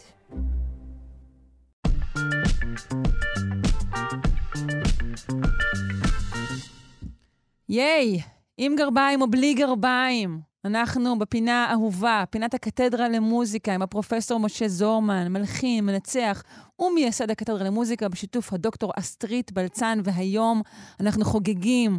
מה זה חוגגים? מרימים. יום הולדת 189 ליוהנס ברמס. מזל טוב, פרופסור. מזל טוב, זה כמובן תירוץ, אז זה היה אתמול היום הולדת, אבל אנחנו נרים בכל זאת כוס היום. אה, הוא סולח לי, אתה יודע, אני כאילו שלחת לו הודעה יום אחרי, ואומר לי, כן. יא, שוב שכחת וזה, אבל אנחנו בסדר. נהדר. אבל למה כיף תמיד להיפגש עם ברמס? כי ברמס הוא מלחין, הוא חי במחצית השנייה של המאה ה-19, אבל הוא דמות מאוד שנויה במחלוקת. מצד אחד, הוא השמרן הגדול, האיש שממשיך את דרכם של באך ובטהובן ושוברט, וכשהוא כתב את הסימפוניה... חבר בשלושת הבטים. הבטים, ב, ב, ב, ב, ולכן הוא חלק מהבטים הגדולים. וכשהוא כתב את הסימפוניה הראשונה שלו, כולם אמרו, וואו, זאת בעצם הסימפוניה העשירית של בטהובן. בטהובן סיים הרי אחרי תשע כן. סימפוניות, אבל הנה קם לו נשר חדש בשמי המוזיקה העולמית, וזה הוא. אז זה מצד אחד, שם רן וממשיך איתו סימפוניות ומוזיקה קאמרית, והכל בזמן שהעולם מסביבו מתהפך, כותבים רק אופרות ומוזיקה תוכניתית והכל, והוא, אני עם הסונטה ועם הרביעיית מיתרים שלי. כן. אבל מצד שני, יש, אתה מתחיל לחקור ואתה רואה, וואו, איזה בן אדם עשיר, וכמה הרבה מוזיקה מעולמות שונים הוא השאיר לנו. הוא כתב מלא, נכון? הוא כתב, כמה שהוא הספיק לחיות הוא כתב. החבר'ה האלה משום מה, כשאתה מסתכל על הגדולים האלה, אתה אומר, אם אני הייתי רק צריך להעתיק את התווים שהם כתבו, הייתי צריך שני אה, סבבי סיבובי חיים, חיים, ואיך כן. שהם הספיקו. מה לעשות, יש אנשים גאונים בעולם. אז בואו נתחיל דווקא, הדבר הכי פחות אה, צפוי מיוהנס ברמס שהיה, ברמס שהיה מה שקרוי רווק מושבע, שהתהדר בזה שהוא חופשי ומאושר ברווקותו, אבל הוא כותב את שיר הילדים האולטימטיבי, שיר הערש הכי מפורסם בעולם. אולי כדי לכתוב שיר ערש גדול, אתה צריך שלא יהיו לך ילדים בבית, ואז יהיה לך ראש פנוי לכתוב שירי ערש. כן, אתה יודע, יש גם אה, סופרים גדולים לילדים שלא היו להם ילדים, ומשוררים, כמובן. אז זהו, אז הוא כותב את אה, לילה טוב, מה שקרוי. כן. מחזיק עד היום בפרסומות לחיתולים חד פעמיים, העניין חד הזה. פעמים כל המוביילים שמסתובבים על, על הראשים של הילדים הקטנים בהריסות שלהם, הוא... עם עם הזיוף, עם הזיוף הקל הזה של המפעלים. זה נכון, אז בוא נשמע, ביצוע נפלא, אסתר עופרים שרה את זה, בהתחלה בעברית, עוברת אחר כך לאנגלית, ואחר כך לגרמנית, חוזרת למקור, והכל תוך דקה, נראה כמה נספיק, אבל נזכר שברמס יודע גם לכתוב את הדבר הכי תמים והכי מתוק ונפלא שנכתב לילדים.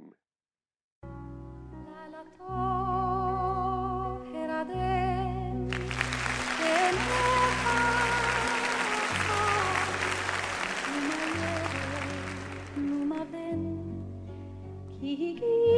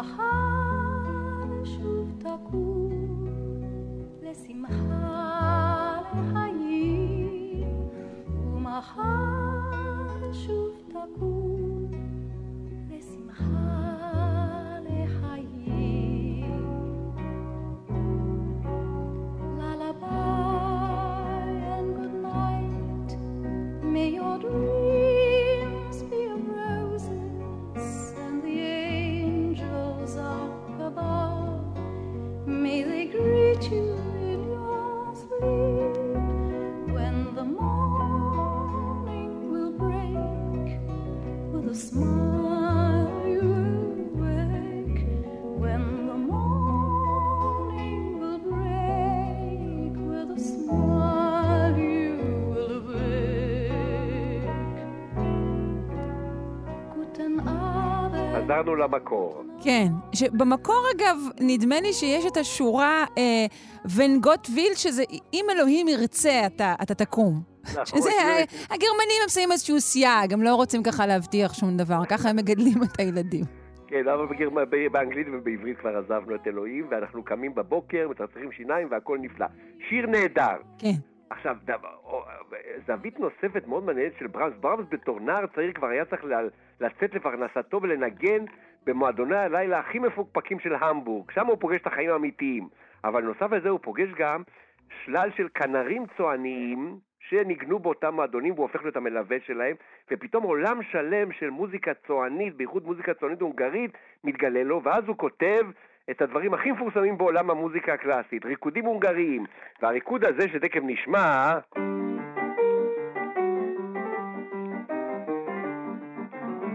אפילו מי שלא מכיר מוזיקה קלאסית, צ'רלי צ'פלין בתפקיד הספר הקטן בסרט הדיקטטור הגדול, מגלח את הלקוח שלו לצלילי הריקוד ההונגרי. זה להיט רודף להיט פה, כן. מספר שלוש של יוהנס ברמס. אז גם זה ברמס, ואחרי זה נתחיל להסתכל על הסימפוניות.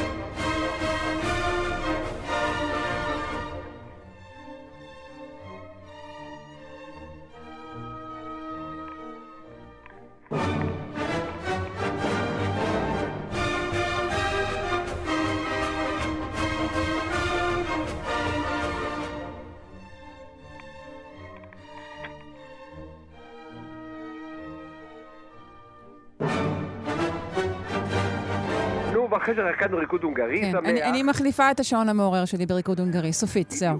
כן. דרך אגב, פיסת טריוויה, המלחין היחיד והגדולים שעדיין אנחנו יכולים לשמוע את קולו זה היום, הוא ברמס. כי שיחת הטלפון הראשונה שאדיסון, ממציא הטלפון, עשה, שיחת טרנס-אטלנטית, הייתה עם מי? עם יוהנס ברמס, ושומעים את הקול של ברמס מדבר עם אלווה. אדיסון במשך חצי דקה בדיוק. איפה אפשר לשמוע את זה? אה, אתם תכתבו ביוטיוב אה, Brahms speaking with Edison, תשמעו את הקול שלו. קול קטן וצווחני, לא מתאים כל כך לדמות הזאת עם המזוקנת הגדולה, אבל זה מה שיוצא לפעמים מ... אבל זה נורא מצחיק לשמוע את הקול של איזה מין אגדה כזאת. עכשיו, אבל כל זה בינתיים היה, אה, היינו בעולמות המשוליים, העולמות הגדולים, זה העולם של ארבע הסימפוניות שהוא כתב, ופה מתגלה לנו סוד הקסם של המנגינה הברמסית.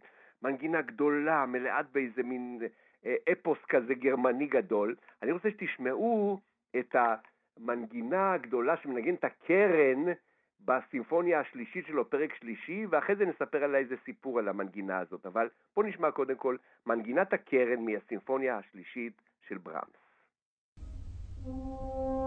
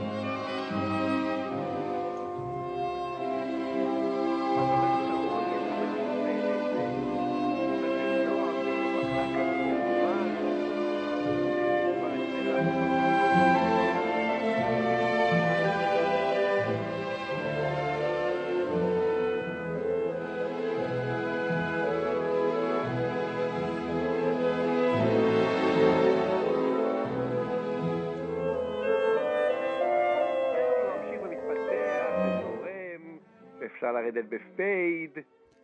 אני, אני, יכול להיות שאני טועה, נשמע לי משהו מאוד מאוד מודרני בסימפוניה הזו. אה, אז על זה צריך לשבת ולנתח את זה, לראות למה, כמו, אנחנו חושבים על השמרנות של ברמס, אבל בעצם בתוך הדבר הזה יש הרבה מאוד מה שקוראים מוקשי נעל, שאומרים עוד מעט מגיע המאה ה-20, כן, והדברים השתנו לחלוטין. לגמרי. אני יכולה ממש לזהות אלמנטים פה בהרבה, נגיד, מיצירות הפסקולים של המאה ה-20. או, והחיבי מה שקרוי קפץ לנעליים של אותם רציתי ללבוש כרגע זה, אותה מנגינה ששמענו בזה הרגע,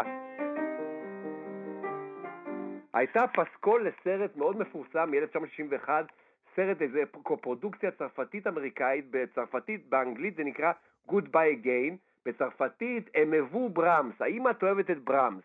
אינגריד ברגמן, איב מונטן, אנטוני פרקינס, על סיפור אהבה בין בחור צעיר ואישה מבוגרת שהייתה במקרה אינגריד ברגמן, שלא על היפה, אבל השאלה שנשאלת ביניהם היא, הולכים לקונצרט והוא שואל אותה, האם את אוהבת את ברמס? והמנגינה שזה עתה שמענו, מלווה את כל הסרט הזה, ושימשה גם את איב מונטן ידידנו, כשהוא בא לכתוב את אחד השירים היפים שלו, כשאת ישנה בזרועותיי, הוא אומר, וואו, מה יותר כיפי מאשר לקחת את המנגינה של ברמס מתוך הסימפוניה הזאת, ולשיר את זה, וזה הופך להיות אחד השנסונים הגדולים שלו. בואו נשמע איב מונטן שר את ברמס מתוך הם הבו ברמס, האם את אוהבת את ברמס? אז ברמס הופך להיות גם פסקול של סרט.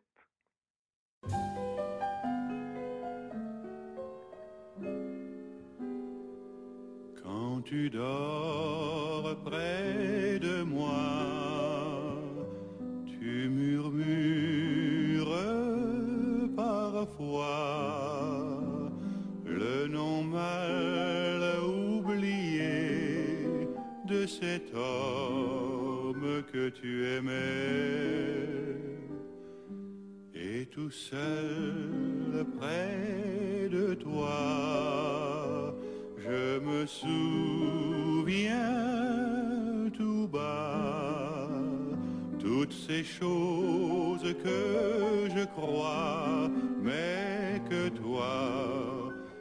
chérie, tu ne crois pas. Les gestes étourdissants, étourdis de la nuit. והוואלס הזה הוא כבר תוספת כמובן, זה לא נמצא בתוך ברמס. de notre amour.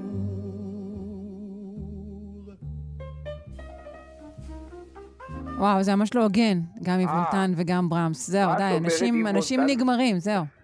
אני שומע את איב מונטן וברמס, זה, זה, זה הסוף. אז זהו, אם יש לנו עוד שנייה, יש לנו עוד ממש שנייה, כן. אז זהו, נשמע רק את הפתיחה של הסימפוניה הרביעית שאומרת, הסימפוניה האחרונה שלו, שבעצם אומרת לנו שזה פרידה מעולם הסימפוניה הרומנטית, ואחרי זה כבר העולם יישמע אחרת. אז יום הולדת שמח ליוהנס ברמס עם התחלת הסימפוניה הרביעית. יום הולדת שמח, תודה רבה לך, פרופסור משה זורמן, מנחים, מנצח ומייסד הקתדרה למוסיקה, בשיתוף הדוקטור אסטרית בלצן, הסימפוניה הרביעית של ברמס. יום הולדת שמח.